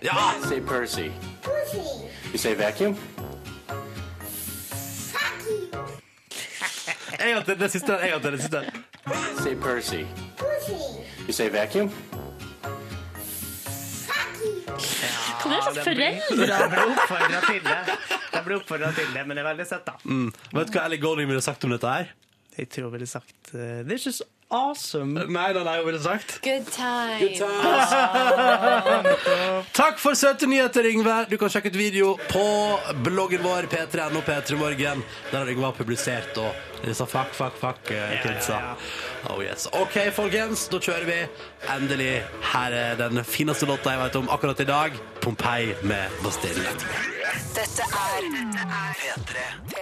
Podkast bonusspor der. Nå er det frie tøyler. Nå er det Er det, jeg lurer på av og til lurer på, er det for frie tøyler i bonussporet Jeg vårt? syns at eh, de normale reglene for kommunikasjon uh, må gjelde på bonussporet òg. Hva er de normale reglene? Det er det at man ikke skal avbryte hverandre for mye. Mm. Uh, digresjoner er artig, men det, det, må jo, det er jo en grense for det òg, liksom. Mm. Ja. Jeg tenker digresjoner er ikke bra så lenge det ikke gjelder den gjelder deg sjøl. Den som snakker, er seg sjøl og er ute på en digresjon, Det er sånn, ja. helt topp. Altså, så lenge man er seg sjøl 110% så Nei, altså, du mener at jeg kan få lov, Hvis de forteller om en kinofilm jeg sa, eh, så kan jeg begynne å snakke om Ja, for jeg har vært ganske mange ganger på kino. Det er jo sånn Blant annet den gangen i 1994 da jeg var så Tom Hanks sin uh, Ja, men merker jo hvordan det er her. Forrest Gump alene. Ja. Uh, ja, men, men at det er digresjonen Eller at når Isid snakker om uh, kinofilm, så sier Silje Jeg var på kino Ja, fire er ganger på. Hamarøy. Det var lov, det er jo det du bygde Det, på. ja, jeg føler at det må være lov, ja. Ja, men det, er jo- det, Men det må ikke vare for lenge. Man må ha en slags eh, indre biologisk klokke som igjen. forteller deg at når du er ferdig, og at, det er, at eh, stafettpinnen går videre tilbake til den Mm. som var, Mm. var der først. Mm. Uh, først, før vi gjør noe som helst annet, minne om at vi har en konkurranse gående i bonussporet. Den der blir alltid på tampen. Det er ikke Må folk holder ut så lenge. aldri glemme! Eh, hashtag Petermorgen, hashtag podcast på Instagram. Uh, legg ut et bilde av deg sjøl, eller hvordan det ser ut rundt deg mens du hører på podkasten vår. Og på fredag trekker vi vinner av T-shirt, og kanskje mer snacks også. Kanskje jeg skal legge ut et bilde på Instagram nå hvordan det ser ut når vi lager podkasten Jeg syns du skal heller laste ned podkasten på et eller annet tidspunkt og høre på den, og da ta bilde. Her går det ikke an å ta bilde mens vi lager podkasten. Silje. Yngve. Og jeg vil ta bilde fordi Over, eh, jeg skal feire at jeg har iPhone. Se. Nei, hvis du kommer litt nærmere bort, bort til hit, Silje, så kan du være med på bildet. Hva driver dere med nå? Vi skal ta bilde. Nå gjør Silje ideen min. Ja, jeg vil ta bilder. Jeg vil også ta bilder. Hvis alle tar bilde samtidig. Så har vi fra forskjellige vinkler! Nei, meg med å deg, i hvert fall. Du jeg vet ikke. Sånn, ja. Jeg klarte ikke. Men kan jeg ta bilde av dere for å Ah, feire dette? nå, bruk dette her. eh, nå skjønner jeg hva du mente, Ronny. Ja. Ja. Vi må gjøre en annen gang. Um, jeg tror vi går tilbake til å uh, bruke tid på Det verste jeg vet å høre på, er Folk som tar bilder? Nei, ja, eller som folk som um, sitter og fikler med telefonen sin, og som har en ekstra dimensjon foran seg, Mm. men som jeg som lytter ikke har. Ja, det er vanskelig. Eh, fordi man blir fortapt i den uh, greia med en gang. For eksempel, nå sitter Silje og browser mobilen sin, ikke sant? Og Gjør jeg det? bruker at- Gjør ikke det? Gjør jeg det? Gjør ikke det? Nei. Ser du at jeg har begge hendene oppe? Ser du at jeg har begge hendene oppe. Ja. Kan vi få mobilen din, da, Ja, Silje? Bare ta den. Jeg skal ikke ha den. Kan jeg fortelle om en forskning som jeg har hørt om i Costa Rica? For der har de eh, Der har de. TV-skjermer i alle puber og barer. Så henger det TV-skjermer i alle hjørnene. Er ikke det litt slitsomt? Jo, det er akkurat det det er. Det er litt slitsomt, for at alle blir stående og se på skjermene. Mm. Og så uh, snakka jeg med noen der og spurte hvorfor er det egentlig sånn at uh, Og det virka litt sånn harry òg, for at det kan være ganske eh, fine ja, OK, får du nesten ja, mm. Fine puber og sånn, øh, og fine barer. Men så blir det med en gang skikkelig harry med en gang du har en TV-skjerm Ja. i hvert et hjørne. Men da var det noen som sa at det var lovpålagt i Costa Rica. Hvorfor? Nei, fordi at forskning viste at med en gang du har en TV-skjerm eh, som står på, og, vis, og der brukte de å vise forskjellige kanaler på de forskjellige. Ja. Eh, musikkanal på én, filmkanal på en annen, sport på en tredje. Ja. Forskning viser at når du har en skjerm foran deg, så drikker du mindre. Er det sant? Mm. Så derfor så var det altså lovpålagt å ha eh, og, og der var det noen, noen unntaksregler må det være, for at på en del altså på restauranter Fine restauranter, der var det ikke sånn. Men dette syns jeg høres helt eh, grusomt ut. Men eh, ja, men du blir jo vant til det, for at eh, mange av de plassene løste jo eh, holdt på å si, problemet med å eh, ha musikkvideoer Ja. Fra låtene som blir spilt. Ja, ja. Sånn at da er du liksom litt inne på det. Da går det greit. For det verste eh, altså, tenk, altså, Jeg hadde følt meg så lei meg hvis jeg satt La oss si at det var hyggelig, da. Eh, har, la oss sette det som premiss at det er hyggelig. Uh, la oss si at vi sitter på pub. Mm. Uh, la oss si at det er litt tidlig på kvelden vi sitter og drikker øl og koser oss. Jeg tror vi er i hyggelig lag.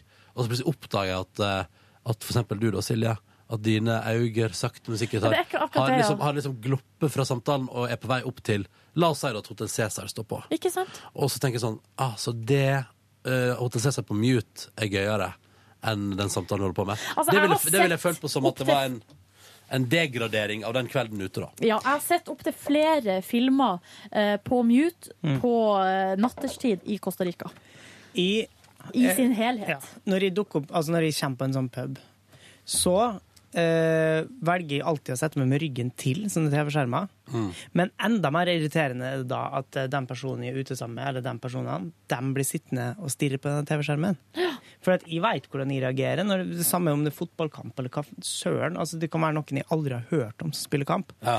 Eh, så blir jeg sittende og stirre på Det, det er. Det blikket er jævla eh, irriterende. det er, blikk, det er sånn blikkfang, ja. Ja. Så jeg tror kanskje det kan være noe i den forskninga. Det er mulig, men, jeg, men jeg tror ø, Altså ø, ø, Hva skal man si? Den berusa tilstanden på forskjellige fotballpubs viser jo vel ganske greit at det ikke nødvendigvis hjelper. Men, og det er en annen ting jeg skulle dra fram, og det er jo at jeg har jo vært på opptil flere Grand Prix-vors. Mm. Eh, Går ikke rolig for Nei, seg der det går ikke rolig for seg der. Nei. Men da er man jo veldig sånn eh, Går man jo veldig inn for at det skal være festlig lag, da. Men det jeg merker sånn, for eksempel, der kan jeg sammenligne med Det blir ikke helt det samme med sånn Fifa-kvelder og sånne ting, da, eller Mm. når man sitter og spiller Halo, en eh, gjeng med gutter og drikker øl, så blir vi jo sittende og drikke intenst mellom slagene. Ja. Fordi at da føler vi som faen, vi har jo ikke kommet i gang.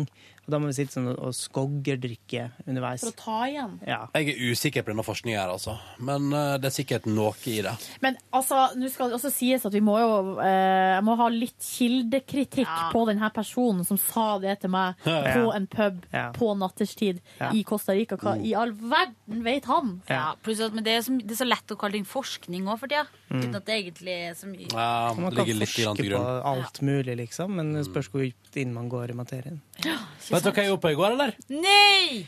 Ja, var det på visning? Ja, var du på vis? Å oh, ja. Men du var Nei. møtte Yngvar. Jeg møtte Yngvar, det var tidlig på dagen da. Det var kjempebra. Var du svett og sliten etter å ha Nei, vært du, der, eller ble- var det liksom bare en gjennomgang? Det var bare en gjennomgang, fordi Yngvar hadde dårlig tid, så vi måtte bare kjøre på. Ja. Kom han bare- syklende? Jeg vet ikke. Han kom traskende rundt et hushjørne, var det der jeg møtte ham. Sånn sprek ut. Sånn Ja. ut. Men du, dusja du etterpå, da? Nei. Nei. Det, Smilte det var, han, eller det var han ikke, sur? det var ikke trening involvert Nei, nei, nei, jeg der. skjønner Det det. var et Mistet par, øvelsene. det var et par eh, løft, uh, markløft, bare for å sjekke at jeg kunne det. Mm. Så da var det det, og så rett opp igjen på jobb og jobbe. Og så hadde jeg lovd meg vekk til å være jury eh, når Høgskolen i Voldas i journalistlinje skal uh, ha prisutdeling av et eller annet slag. Pressepris! Det er kjempeartig. Ja. Og det er jo da, uh, der kommer vi jo tilbake til den gangen jeg var på pressepris i første klasse i Volda. Var på uh, nachspiel hos Sigrid, i Sigrid sitt Ah, kollektiv. Og ble skjenka så full at jeg holdt på å dø. Men Spytt. var du der òg da, Sigrid? Jeg vet ikke, jeg husker det. Jeg har jo vært på flere pressepriser, men jeg husker at det var en gang jeg var der og tenkte jeg kommer ikke til å vinne noe, så er det bare å drikke på! Vant du, da? Ja, og så Ja. da gikk jeg opp, så da var jeg jo kjempefull. Og da, Holdt du en av dine hver legendariske taler da, eller? nei, da tror jeg det var Da innså jeg at her er det noen som skal si minst mulig, så jeg sa takk for det. Takk. Skulle bare mangle! Jeg tror jeg sa takk til hjortejegeren! Ha det. Hva det jeg var jo der. Ja, det var kanskje den samme Ja. Husker det når du var Husker du den legendariske talen til Sigrid? Det er det som er greit. Hvem er hjortejegeren? Men det var, så, det var, en- det var en, en hjortejeger. Ja, ja. Ja. Um, jeg kan jo si at jeg fikk tilsendt en haug med radioreportasjer som jeg hørte gjennom i går ettermiddag. Uh, og det var Mykje dritt, Mykje bra. Mykje ræl. eh, Det er vel ingen i Volda som hører på den podkasten. Det Det kan det fort være, da. Men Men det må Altså, det, man skal bare bli bedre. Jeg hørte det, ting jeg likte godt, eh, og så hørte jeg ting som jeg syntes var altså så Eller det var sånn, det var sånn Jeg skulle ønske noen gikk inn og sa bare ei setning sånn Bare gjør det, så kommer den reportasjen til å heve seg ti hakk. Ja. Eh, Det var mye forskjellig. Og så, var det, så ble jeg så forvirra, var det, det var både reportasjer og kåseri. Og så tenkte jeg sånn Hvilken kategori er det jeg bedømmer, egentlig? Ja, det er litt vanskelig. Og så fikk jeg tilbake sånn Radio in general. OK, greit. Og så sa jeg sånn Men får jeg noe Har, har, har, har jeg mista den e-posten dere sendte med intro eller eventuell info om Ja. tinga? Fått tilbake sånn Nei, nei, nei. Du har bare fått Så jeg fikk bare MP3-filer sendt i min retning. Eh, men jeg gjorde det beste ut av det. Hørte på, evaluerte. Spilte inn en video der jeg gratulerte og begrunna vinneren, og sendte av gårde. Og så vet ikke jeg når det er presseprisutdeling, men jeg måtte nå ha det i går. Så kanskje det var i går, da. Men så rart, for når vi gikk til, så var det sånn beste magasinreportasje. Jeg lurer på om dette bla, bla, er, bla. som Silje poengterte i går, kanskje det er sånn internpraksiskjør? Er det Ja, men det er jo presseprisen er etter internpraksis. Ja. Men vi hadde alltid kategorier, ja. Ja, så det var litt rart.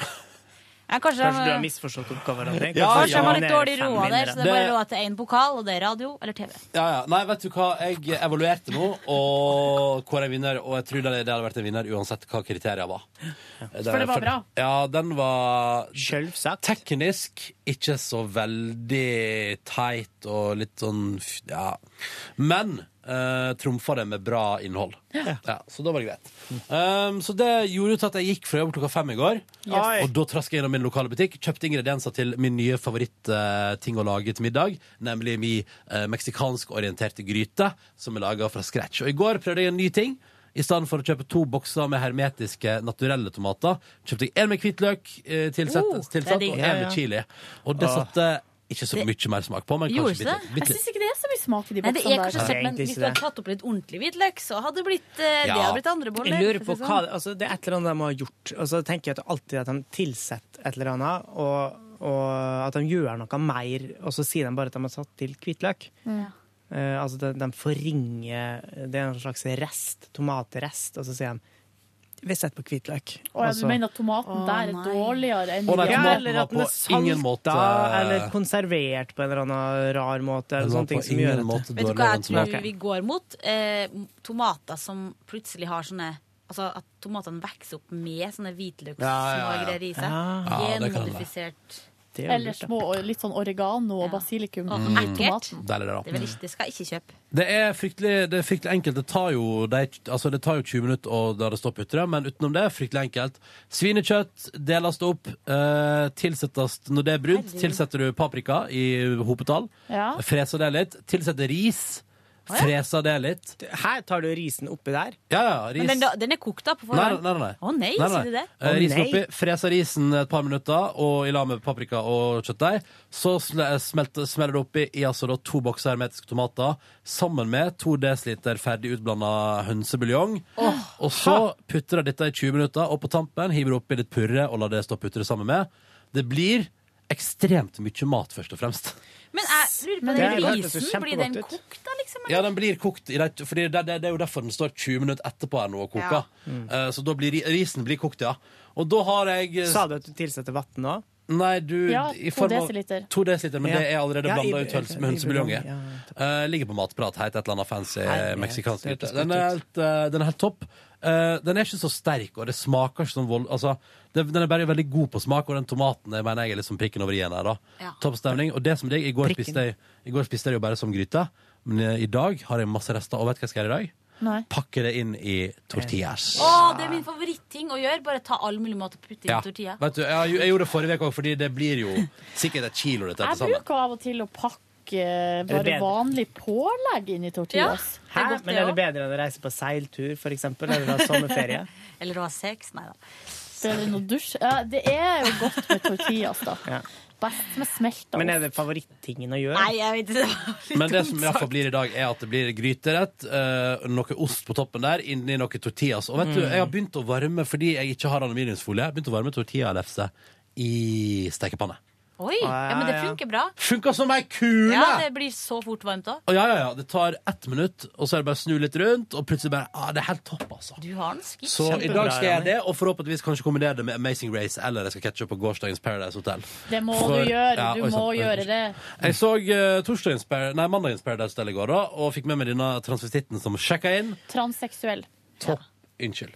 Topp stemning! Ja. Han var gøy, eller hun var gøyal. Det som er mest gøyalt, er jo han eh, Eirik eh, Ja. sin Ja, reaksjon. det flippa helt ut Det blir bare verre. jeg, jeg må bare si jeg får så dårlig inntrykk av henne når den er så Ja, eh, al- al- det som er litt interessant, er at han går inn og altså da Det er han det- som ikke, ikke kan snakke helt igjen. Ja, ja, ja. Det Altså, har vi kommer det en kvige inn som er Men hva kan man kalle den kviga hvis det ikke er verken kvige eller hingst eller uh, okse? Si? Det har jo kommet sånn nytt eh, De har jo prøvd å innføre at man skal si sånn hen eller hin. Hen. Ah, ja. Det har de gjort i Sverige. Kan de ikke si det? Nei, Hen, ja. Ja. Man sa jo et eller annet ikke-kjønn, og det ble sånn uff, ja. Men det som, det som er med han Erik, der, er at han for eksempel er så frika ut at han går inn og gjør noe så, noe så, liksom noe så patetisk som å ta sånn, fordi alle par har bilder av hverandre Ja. stående sammen. Men han takler ikke at det står bilde av han og transen sammen, så han flytter da bilder på hver sin Og så er det sånn, jøss. Og han legger jo merke til det, og det blir liksom, jeg syns det er så rar stemning. Og så synes det ja, sånn, og så er det sånn 'Jeg er på badet!' ja, Når hun spør hva jeg holder på med, sånn. Dritsur. han er så forbanna. Ja. Så det der Og så tenker jeg sånn jeg hadde, Det der hadde jeg ikke hatt noe problem med. Nei, Nei, det er så bra, fordi Å sove på rom med en transseksuell, Ja. riktig noe sånt? Ja. Ja. Det blir jo som at jeg skal sove på rom med en gutt og Ja, bli helt sånn Å, herregud, ikke ta på meg! Åh! Og ikke liksom bare Og ikke klare å sove om natta fordi at man er redd for at gutten skal voldta deg. Ja, for det var han jo redd Da for at skulle voldta han. Ja, Nei, det er helt usaklig. Ja. Da jeg prøvde å, å leie det i New York, Silje, da hyrte det jo. Men du, det gjør jo alle som du prøver jeg å gjorde ikke leie. det. Yngve tok testen på meg òg. Anniken Huitfeldt hadde i hvert fall hyla hvis du hadde prøvd å leie henne. ikke prøv å leie henne! Jeg syns jeg kan leie alle som vil. Ja. Ja, men det er jo, men det er jo et eller annet litt mer intimt med å holde i handa. Enn å Ta en håndjobb, liksom. For det gjør jo jeg på deg hele tida. Ja, men hand mot, hand, mot penis blir jo så, på en måte, så seksuelt igjen at det på en måte blir litt sånn ha-ha-ha. Mens, mens, mens ta og går hold i handa er liksom så ja. seriøst. Og- Eller det handler liksom om, det Det er handler om kjærlighet. Og, Ja, det er akkurat det. ja. Intimitet. Men du lover liksom ikke vekk hjertet ditt til noen ved å gi deg en håndjobb. Det er riktig. Åh.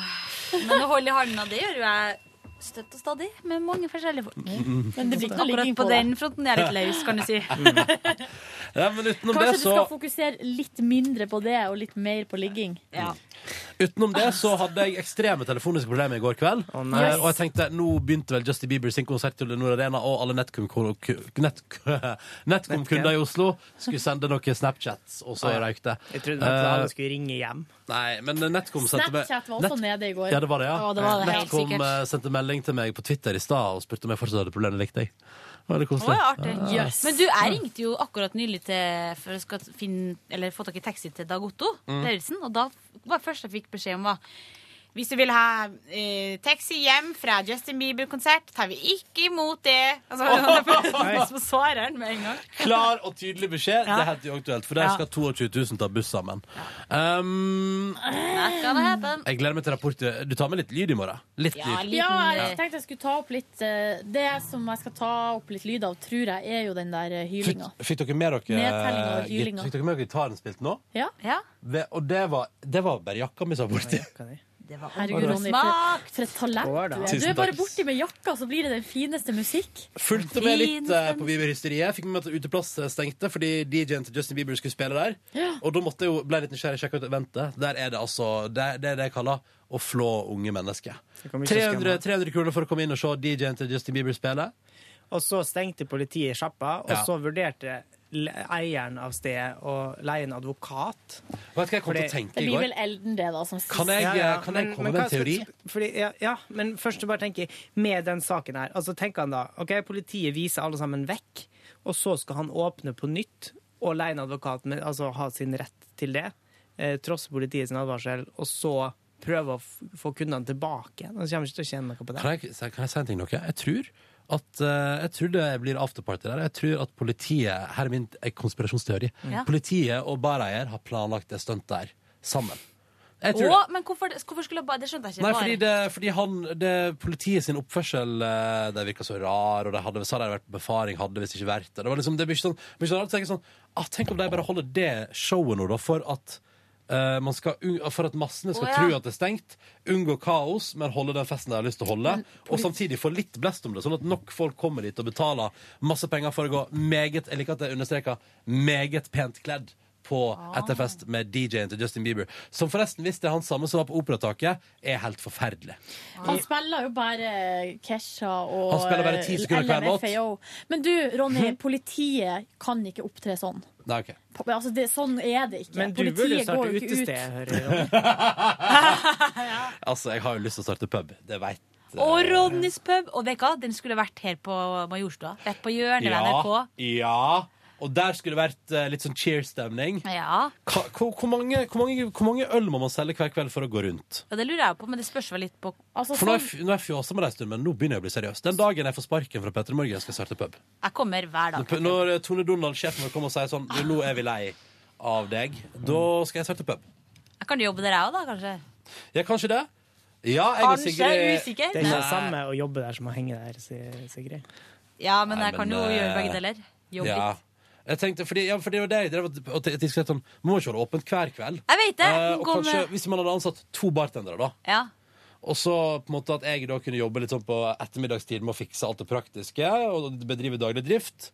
Og så kan jeg gå der og drikke øl på kvelden, mens en av bartenderne da har baransvaret. Mm. Og så er det såpass liten plass at det på en måte Det kan aldri bli kaos der. Ja. Men det kan også bli ekstremt hyggelig. Jeg vet hvilket konsept i det du bør ha. Du bør ha bestemødre som serverer snitter i kortskjørt. Det er min Nei. drøm når det gjelder bar. Jeg vil ha hyggelige, jeg vil ha hyggelige, bartender. jeg vil ha hyggelige, hyggelige bartendere i 20-åra som er litt mer awesome enn en vanlig bartender, og som eh, får sparken så fort de prøver seg på dårlig service. Ja. Ja. ja, det er bra. Åha, var ikke det fin behandling av kunde? Fuck you, ha det bra. Men hva med en dame som serverer snitt, da? Nei, nei, nei, nei. Jeg skal ha, jeg dette har jeg skrevet om. Dette tror jeg er nyeste utgaven av Jeg liker Oslo. En beskrivelse av min pub som jeg har lyst til å drive. Jeg har lyst til å ha miniburgers, sånne bitte små. Det godt. Sliders. er? Sliders, ja. Å, det er godt. Med litt sånn mm, mm, Tilfeldigvis så var første gang jeg hørte om uttrykket sliders i går. Nei! Altså, nå snakker du om sliders. Jeg vet, eh, Rema 1000 har jo kjørt en det var den vi så. Sliders-kampanje nå i året Har de begynt igjen? Har de begynt igjen i år nå? Ja, ja, ja. Hva er sliders-kampanje? Det de kjører den der eh, grillkongen Craig eh, Han er tilbake kjører igjen. full Og han lager sliders miniburgers. action. Men Ja. hva med Sven Nordin, da? Skal ikke han være med i år? Han hadde Tex-Mex. Nei, nei, nei, det var grill. det Han, var var, grill. han, var, Ok. han var i lag med Craig da, og kjørte full action. Ja, Men nei, det den lille skrikende kokken Eivind? han, men han er resten av våre til den tradisjonelle kjedelige maten. Herlighet hvor han roper når han skal gjøre det. Han er verre enn det, Ronny. Han er verre enn det på Ja, roping. ja, kanskje det.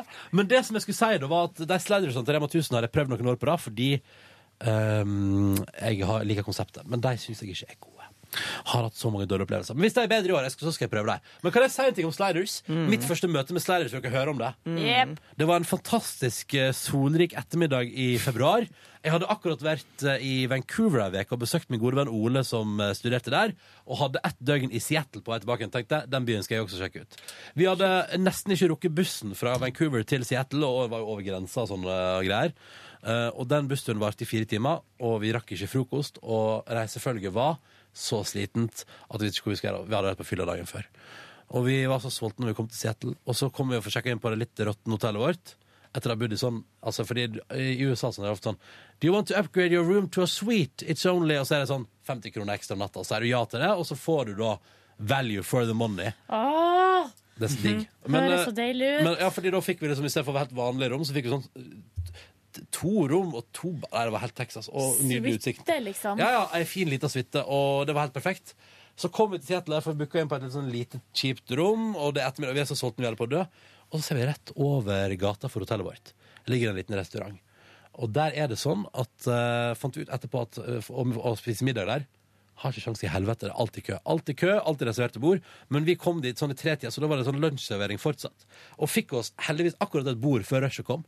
Og da var det sånn at det du kunne bestille til lunsj, var det kokkene sto borti hjørnet der og, og mekka. Blant annet da det mest fantastiske jeg har smakt noensinne. Så det er søte små sliders med kjøtt og litt sånn alternative Altså det var liksom ikke det vanlige. Det var, det var, bare, det var bare så sjukt godt! Og bra brød. Jeg tror jeg spiste åtte sliders. Bare, altså det, var, det var det beste jeg har spist. Og med en kald eh, cola til, over på øl. Ah, Topp stemning. Det var også i Seattle. Min eh, gode venn Jo eh, havarerte i eh, psykisk form på kvelden. Hvorpå jeg da fant ut jeg gidder ikke sitte på hotellrommet, og gikk ut og drakk øl alene i Seattle. Ja. Og møtte folk og hadde det drithyggelig! Ja. Yes. Jeg fikk noen reisetips. Jeg har jo slekt i Seattle. Det kan jo være det at du har eh, røket på noen av dem. Røke på noen Nordnes-kjør. Ja. Ja, for det de er, jo, aldri. de er pratsomme, de, da, nordnesene. Yes, we have a Nazi uh, heritage Yes. from the north of Norway. Yes, we love them Var det Nazis. Du vet, altså Slekta mi er jo ikke fra Hamarøy i det hele tatt. Har nei. ingenting med Hamsun eller noen ting å gjøre. Jeg så Men, også eh, to episoder av På jul med Dagotto i går. For Jeg tenkte sånn, jeg elsker jo forrige sesong og ville liksom bare se litt på årets før han kom på besøk i dag. Så jeg så første episode med Are Sende Osen og han ene Knutsen Ludvigsen i Sør-Afrika. Ja, ja. Og det er så jævlig gøy, det programmet der. Jeg satt altså, fordi det, sånn, det, begynte, det begynte litt sånn, det begynte litt sånn, tenkte sånn var det, var det, det du var gøy. fortsatt på kvelden din? Ja, ja, ja. Ja. Det, sånn, det var litt seigt uh, sist, eller? Eller i forhold til sist, men så ender det opp at jeg sitter liksom og ler høyt masse fordi det samspillet mellom Dag Otto Lauritzen og Christian Ødegaard er helt fantastisk. Og så kommer Are Sende Osen opp i hele greia, og det er liksom bare helt, helt konge, da. Uh, og da når jeg var ferdig med det klokka 11 på kvelden og tenkte sånn, skal jeg legge meg, tenkte jeg Nei, jeg ser en episode til, for jeg klarer ikke å slutte. Så da så jeg også episoden etterpå i Frankrike med Håvard Lilleheie og uh, Sigurd Sollien. Der! En eller annen sånn Fordi Sigurd Sollien var jo med i det programmet for tre år siden uten å ha sykla noe før. Blei frelst. Starta sykkelblogg. Han- Ja, men Sigurd sa jo da han var på besøk hos oss, at han skulle mase seg til å få være med i eh, det programmet. Ja. Um, Så men det har han jo klart, Ja, ja, så nå er han med en gang til, da, nå med sykkelinteresse, og tar med seg Håvard Lilleheie, som aldri har bedrevet sykling før, og skal liksom frelse han, da. Og så er det så gøy, fordi på et tidspunkt der kommer det, er det liksom, for det er sånn løp, og skal jeg innom og hilse på, fordi det er jo det som var gøy med programmet der. Er sånn, ja, skal bare innom og hilse på Tor Hushov den tur, fordi Dag Otto Lauritzen kjenner jo alle. Så det er jo sånn, de møter jo alt som er innenfor den sykkelbransjen, møter de jo i løpet av disse seriene. Eh, og så kommer det da en annen sånn dude som jeg aner ikke hvem han er, men du ser liksom Christian Ødegaard sperre opp øynene når en sånn tydeligvis sykkelkjendis kommer bare går forbi, inn i liksom kamera, og så Lance Armstrong. Nei, nei, jeg vet ikke hvem det er, men han kommer liksom inn, og så tar han Sigurd Sollien på skulderen og sier 'Hello, Sigurd!' og går videre. Og så ser du alle andre bare Hva i, hva i, hel, hva i helvete er det som heter at han kjenner igjen Sigurd Sollien? Og man liksom sjekker, så står det Sigurd på dra- drakta. Hva er det? Ja. For fordi Sigurd Sollien har bare blitt så veldig så voldsomt inn i det der eh, sykkelkjøret at han tydeligvis nå blir gjenkjent av eh, store utenlandske sykkelstjerner. Det var kjempegøy. Det er helt utrolig. Men det- poenget er at hvis dere har muligheten å ha tid til overs, så virker fordi på julemiddag godt det kan virke som en litt sånn traust sånn Ja, det er for familiefolk oppe i 40-åra. greier. Jeg Mm. mener det er et litt uptempo gutter på tur anno 2013, og Ja. det er helt konge. Og seriøst, han nekter for i dag, men når Dag Otto Lauritzen står og heller ned på Kvitbyen og skal prøve å lage mat i Frankrike der, faen meg toppstemning, ass! Da koser jeg meg sånn. Ja, men det er Og så er det, og så er det aldri feil Hver gang Christian Ødegaard disser Dag Otto Lauritzen bak ryggen hans, så kommer han Ja. på et tidspunkt i løpet av den scenen inn i bildet. Hva var det du sa Ja. nå? Hva var det du sa nå? Og så der er, vet du, det er så, jeg elsker den serien. Det er så jævlig bra! Og nå har jeg altså da eh, fem episoder til å bryne meg på eh, i løpet av veka, for å si det sånn. da Men da er det jo en ren fest liggende for Å ja! Jeg bare drar kjapt gjennom eh, at jeg er så trøtt for tida. Får ikke sove om natta, får ikke sove om dagen. Hvorfor får ikke sove om natta, da? Altså, jeg vet ikke. Jeg, eh, Ligger men- du kaldsvetter, du òg? Ligg og jeg, Tankeaktiviteten vil Er høy. ikke Hva er slutte. det du tenker? Hva er det du tenker på? Alt mulig. Det går- det- Tenk på eh, jobb, tenk på egen prestasjon, tenk på du Justin tenker på Bieber-konserten. rundt jobb Om og prestasjon? billettene jeg har kjøpt ikke skal funke. Skjønner du, når Ja. vi går inn. Praktisk. Det er ikke jeg som har kjøpt alle billettene. Hva om ikke vi kommer inn fordi det er noe Silje? galt? Hva er det du tenker på i forbindelse med jobb og sånn? da? Eh, nei, bare alt mulig. Hva jeg skal si eh, i morgen. Hva sa jeg i dag? Eh, Hvorfor sa jeg det? Bare generell evaluering som bare aldri tar slutt. Ah, vi skal evaluere oss nå. Oh, ja, bra at noen andre kan gjøre det, fordi eh, jeg er så lei av meg sjøl. Så jeg ligger eh, på natt på Nei, så jeg får liksom ikke Jeg får, kommer Åh! ikke til ro. Kanskje vi kan invitere med, for det er jo dette folka bak bransjenettstedet Radio Assistant som skal evaluere oss. Ja. En sånn en såkalt ekstern evaluering. Kanskje vi kunne fått deg til å komme med på podkast bonusbordet og evaluere oss her? Men er ikke det Er det spennende? Jeg vet ikke. Jeg tror det er mest artig for oss. Ja, kanskje. Ja. Men uh, jeg hadde en lang maildiskusjon i går ettermiddag med sjefen vår, for jeg mener at eh, eh, Jeg forstår du sa at vi hadde plukka ut en time med gjest, men så mente jeg at kanskje det ikke er der Ja, det så jeg. At det kanskje ikke er der det mest er behov for evaluering. Jeg tenker at det kanskje det er resten av programmet. Ja, Og kanskje også spesielt liksom sånn, fordi det jeg lurer på ofte, er jo om Er programmet vårt for tungt? Er det for fullstappa? Hvordan flyter det egentlig? Er det logisk alt sammen? Høres det greit? Altså, jeg liksom, jeg er nysgjerrig på alle de tinga der. Liksom. som, Ja. som vi Mm. kanskje, er kanskje det vi evaluerer minst sjøl. For vi har jo Ja, her i er Petter Morgen en tradisjon for å evaluere programmet hver dag. Vi har redaksjonsmøte med evaluering hver dag. Og da merker jeg at det, det er jo mange ting vi aldri toucher innom. Ja. Og spesielt de tinga, kanskje egentlig spesielt de tinga jeg jobber med, som handler om hvordan programmet Flyt. flyter Ja, gjennom. det er sant, men det- ja. Eh, For det blir, det blir aldri prata om. Nei. Det er sånn, og det vi går gjennom, er liksom sånn hvordan var gjesten og sånn. Så jeg tenker, og det er mye fokus på gjesten og sånn. Og da lurer jeg på om det kanskje ikke er der vi skal sette inn støtt når vi først får ekstern evaluering av folk som kan mye teknisk radiofaglig, da. Ja, det er sant. Mm. Men det kan vi jo um, Det blir spennende. Vi hadde lang, hadde lang maildiskusjon i går. Det- Ja, ja, men jeg skal klippe ut det der etterpå. Det blir Det, alt, alt er under kontroll. Ja. Ja, ja, ja. Eh, I går var Men, var du, eh, Nei, du var nei, ikke ferdig. jeg er ikke ferdig, fordi eh, eller, altså, det var ikke noe spennende egentlig i går. Jeg var og, ute på en eh, pub på noe som Åh. heter radioøl. Ja, det var det der, ja. Det så litt Som artig ut. rett og slett er at man er på en pub, og så hører man på en radiodokumentar eh, mens man sitter, eh, man sitter og lytter, Hva er det du sier for noe? Jeg har ikke sett det. Plakatene henger jo radioøl! Det er radiodokumentaren i P2 som eh, arrangerer sånn her radioøl. Hæ? Ja. Har ikke fått litt med meg engang. Så det var veldig koselig. Vi var en liten gjeng fra, eh, som jeg gikk med i Volda. En, en, eh, som venner derfra, da. Som, eh, vi møttes først og bare prata og skravla litt. Så hørte vi på den dokumentaren, og så prata vi litt mer etterpå. Og så dro jeg jo hjem, da, og så på Paradise og la meg. Var det Men, rørende radiodokumentar, eller Det var var det litt en, mer vittig type? Nei, det var en veldig fin dokumentar. Det var Frid Kvalps, Kvalpskarmo Hansen. Og dere hørte på bare den? Som har jobba i, her i Jeg skulle ønske P3, jeg var der. f- jobba i P3 og, og har også lagd flere dokumentarer her i P3. Og det her var hennes første sånne Ordentlige. voksendokumentar i P2. Så det var fint. Det, var, det er jo et eller annet Jeg er jo litt sånn utålmodig av meg. Ble det en halvtime for mye, eller? Eh, nei, jeg synes jeg, det er jo et eller annet med at det er jo rar ra, litt sånn man får lyst til, å- Det er nesten som man får lyst til å trykke på pause og Ja. diskutere underveis. Ja. Ja, sånn, ja. Litt sånn som eh, Ja. Ja, var, det diskusjon, var det liksom f eh, diskusjon etterpå? Ja, vi snakka litt etterpå om det vi hadde Men hørt. Men dere i vennegjengen, eller var det plenumsdebatt? Nei, bare vennegjengen. Ja. Faen, jeg har lyst til å høre den eh, Jeg har glemt å høre på den dokumentaren som gikk her på P3 på søndag. Ja. Om unge kriminelle. Ja, den virker altså så til høre, ja. spennende. Det er en fra den der barnevernsbanden som driver og forteller om, om hvordan de Ja, det er ganske drøye saker. Det er drøye saker. Ja. Den, den må du sjekke ut P3.no, altså. Den, den skal jeg høre på. Mm. For den, det er liksom et helt sånn utilslørt intervju med en fyr som har liksom vært det verste av det verste innenfor kriminell i veldig ung alder. Utrolig interessant. Det skal jeg, den skal jeg høre på. Mm. Så det skal, jeg gjøre, det skal jeg gjøre i dag, kanskje. På vei her fra jobb, for eksempel. Kan jeg jo lytte til den. Ingvis? Jeg var eh, litt eh, Jeg var litt eh, u... Altså litt ute av form i går, merka Ja. jeg. Det Ja. dala så vanvittig den siste halvtimen av sendinga vår.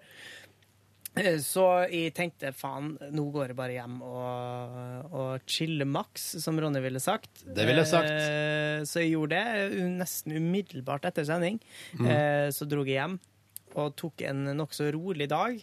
Eh, derav litt sånn sofarygg. Eh, man får liksom Jeg tror kanskje ikke det er løsninga egentlig bare å sitte. Nei. Jeg burde kanskje gjøre et eller annet. Ja. Eh, så jeg fikla litt rundt i leiligheta. Hvilte, sov, strakk ut. Og så eh, var egentlig det dagen min, stort sett. Mm. Mm. Jo, men hvorfor ikke? Nei, hvorfor ikke? sant? Og så driver vi og ser på den her nå serien, The Tudors. Ja. Og plutselig så var det en episode der skuespillet var helt jævlig dårlig. Hatt dårlig tid, da. De kan være litt Sikkert. Og det var helt sånn utrolig sånn markant overgang i sesong nummer to. Eh, så jeg begynner å lure på om jeg skal gidde å se dette her. Ja, kan det, være Har du Blir det dårlig etter hvert? Ja, jeg syns kanskje det, det dalte litt, ja. Men Jeg jeg synes det var litt kjedelig etter at. Wolsey var ute. Men du, hvor, hvor mange episoder ut i sesong to var det plutselig ble dritt? Tre eller fire, kanskje. Ok, så det med andre ord, fordi det kunne vært logisk at Men spørsmålet er Det er veldig mye fram og tilbake om, om det samme nå. Til og fra Frankrike og Ja. Ja, det er jo ikke vits i å bruke tid på ting som blir dritt. Det er jo det som er synd med veldig mange TV-serier. Ja, Jeg faller jo av, for eksempel, Mitt verste eksempel er jo serien Happy Endings, som har en helt fantastisk første og andre sesong. Og så er sesong tre verre enn mot i brøstet av og til. Oi. Og det er helt, sånn, det er helt krise. Jeg husker siste sesongen av Friends òg. Den var jævlig dårlig. Ja, Der var det sikkert det presset med at man liksom skulle runde det av. Og så ble det bare kaos i forbindelse med det. Mm. Var det, ble Rachel og Ross sammen på slutten? De var på flyplassen? der, var ikke det? Ja, jeg tror de ble det. Jeg husker jeg satt i bilen på vei til skolen, og så var det sånn, eh, og så hørte vi på Peter, og så var det sånn Og da må du skru av radioen hvis du ikke vil høre hvordan Friends endte i USA i natt. Husker jeg, da husker jeg at jeg var framme og skrudde av. Mor, skru ned! Mor! Var det sånn? Ja. ja. Var far! Å, den er søt. Jeg var ikke helt sånn som barn, Sigrid. Nei, men Hvordan var det? Hæ? Var du ikke sett som barn? Vet ikke jeg. Hva er det? Ja, ja. Ligger det ikke noen barnebilder av Ronny på bloggen vår? Masse. faen, ass. Ronny ble litt uh, sur da jeg la ut den posten. Det ble litt i overkant for meg. Å, fy faen. For en bursdagsgave. Tusen takk. Den verste bursdagsgaven jeg har fått. Hva skal man søke på? Ronny Brede Aase bursdag? Jeg husker ikke helt. Men jeg syns det var kjempefint, da. Men eh, Det Det var sikkert like søt som du er nå. jeg. Du, vet nå. jobber altså vår Eirin også på Radio Nova for tida? Har ja, ja, morgensending? ja, ja, ja, dere må høre på Radio Nova. Jobbe og jobbe, ja. Hun får vel ikke ikke gjør penger det. Ja, men kan jeg bare spørre, så, så det vil si at hun jobber hos oss, men hun står opp tidlig på morgenen og har konkurrerende morgensending? Ja. Er ikke det litt humor? Det er litt rart. Er det, det er litt gøy, eller? Litt gøy. Hva heter det programmet igjen? Morgen... Det heter Ja, hva heter det? Jeg skulle til å si Skumma kultur, men det gjør det jo ikke. Nei. Hva Det heter Good Sånn Times Morgen på Radio Nova! Ja, Ja, du søker på Ronnyen har bursdag! eh, Her er det jo bilde av Her er det jo nakenbilde av Ronny. Herregud, Morgenshowet, kanskje? det er det. så søt du var. Jeg tror ikke det er showet. Det ville de aldri kalt det på Radio Å, Nova. Nei, det er sant. Morgen! Morgenfjert. Eller morgenstund er tullegrunn, kunne de kalt det. Ja, ja.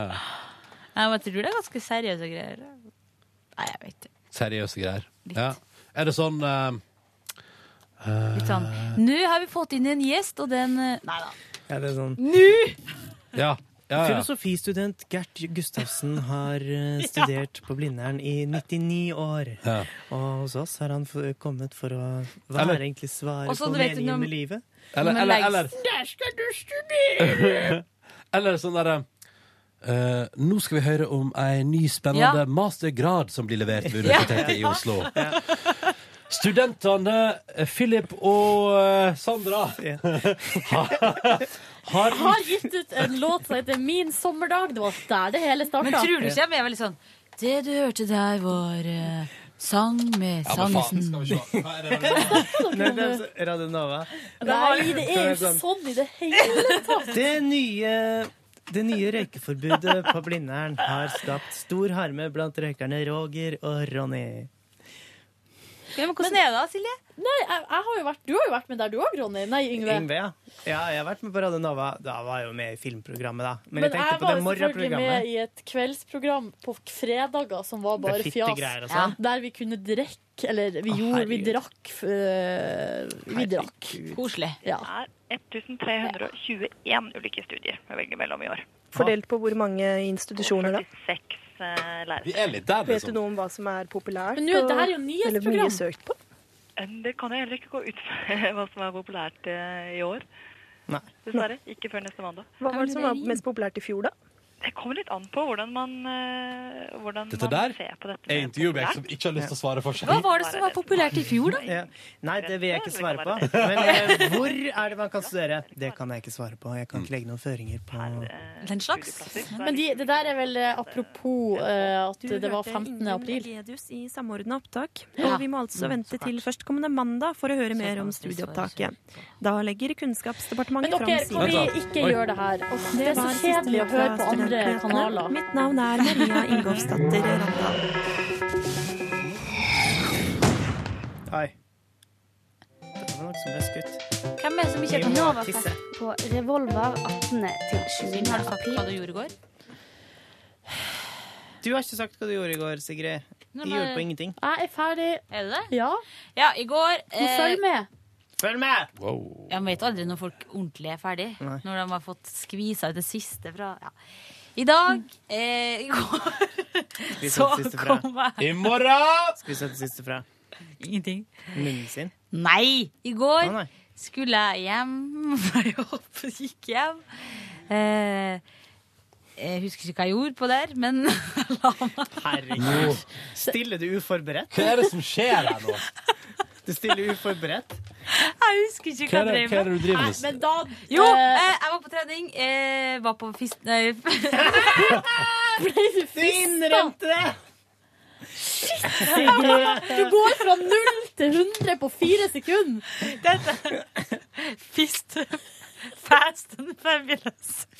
Hva kalte du treningsprogrammet? Fist. Nei! Sigrid. Fist, fast and fabulous? Ja, dette er Fit Fast and Fabulous. Som jeg syntes var litt flaut at jeg skulle på det, da. Ja. Hvilken musikk hadde de på Fist Eh, Fast Fabulous? Det var, det var litt kjedelig, egentlig, men det var litt sånn eh, Jo, en sånn sang som er noe sånn This is the end of glory. Oh, ja, Lady Det er Lady Gaga, ja. Det var jo fra, Det det var jo fra Lady Gagas andre floppende album. Det gikk jo så til helvete med det albumet der. I'm at the edge, er det det? I'm at the edge of glory, eller noe sånt, ja. Ja. Ja, øh, og så Det var en rar time, men det var greit nok, det. Og så kom jeg hjem, så satte jeg meg i sofaen, og da så jeg jo på TV-en at eh, på Norge i dag at det var liksom en sak om at treningskjedene har begynt med rare navn på Ja. treningstimene sine. Tenker jeg meg. Da tok de frem liksom. eksempelet. Ja, Fast, Fit and Fabulous. Fit, fast. Som du vært på. Jeg tror det var den der uh, treningstimen de lanserte når de hadde invitert masse kjendiser, og så bare Plutselig så var det masse på liksom alle de store nettavisene. Så var det bare eh, videoer av kjendiser som trener, og så var det ren reklame, liksom. Ja, ja, ja. Kanskje journalisten fikk lov til å være med og prøve seg. Eh, sånn. Probably. Du, vil du komme fra VG, og så kan du få prøve, ikke sant, i lag med alle kjendisene. Nei, men det trena i hvert fall, og så gikk jeg hjem, Går det så og så hang jeg rundt. Høres ut som en helt kongedag. For noen liv vi lever. Ja. Dæven Litt steike. unntakssituasjon når det er lavtrykk og sånn òg, da. Må... Du må ta høyde der, for det, da. Ja, du Ja. var flink der, Ronny. Du trente, eller i hvert fall laga til bare treningsopplegg. Blir man slapp av lavtrykk, er det det du sier? Ja. Ja. ja. Kanskje det Tror er faen derfor. aldri Var ikke ståpikk engang når det var lavtrykk. Kødda. Å, VG-nett Nå kan jeg bare si noe. VG-nett prøver å se på lureri. Ja. For de har sånn Her festet Biebers crew i natt, og så er det undertittel Bieber kolon. eh, kvelden var vill, men det, det, det, det egentlig som er tilfellet, er at Justin Bieber har tvitra at den første kvelden i Norge var vill, mens han så videoer på hotellrommet sitt. Men det Men- der er jo oppskriftsmessig det nettavis. Eh, Så jævlig forbanna på sånne Ja, men nettaviser. de holder på sånn på nrk.no òg. Ja. Det, er, det er klikk eh, rekl- Klikk eh, hi- Det ser ut som det har vært så Jeger. Er det ikke- er ikke dette Jeger, eh, Yngve? Jo, På grensen der. Gamle, jo, det er gamle eh, garasje. Det var koselig før. Stengt garasje. Det var så koselig der før. Jeg pleide ofte å gå dit og sitte i bakgården der og drikke øl. Men nå ikke bli sånn sint for at jeg ikke veit det, Silje. Kødder du? Nei. Nei, det er greit. Ja. Nei, du må holde meg oppdatert på utelivet, Silje. Hvis uh, jeg skal kunne henge med i svingene. Kan jeg bare lese litt høyt uh, fra ingressen her? Ja. Mens Justin Bieber så på morsomme YouTube-videoer på hotellrommet, festa flere i crewet uh, hans på utestedet Jeger. Ja, jeg bare synes det er gøy at det er sånn Altså, på morsomme YouTube-videoer. Ha yeah. flaks det, Og så er ikke det litt sånn rockeplasser? Så det stek, da, dit Nei, det er sånn uh, trans Uh, Ja, det er sånn elektronisk musikk eller ja, det litt sånn så sånn Men bruker ikke vår uh, Jeg visste ikke at Jeger lå der. Men at bruker ikke Helgar å spille der? Jo. Jøger på Jeger. Jeg håper Nei, det er litt forskjellig musikk der. Men Jeg det håper er... Sprengt Torsk spilte for crewet til Justin Bieber i går. Og det hadde Det vært var så morsomt. bra! Ja. Jeg lurer på om vi gir oss der, jeg. Da må vi i og med tisse, i hvert fall. Tenk om de har suppe i kantina. Og jeg håper med kylling thai. Drømme, drømme vekk. Drømme vekk. Rakatakatai. Chika, chika, chika, chika! Jeg håper de har noe med bacon. Du hører nå en podkast fra NRK P3. Hent flere podkaster fra NRK på nettsiden nrk.no podkast. NRK P3.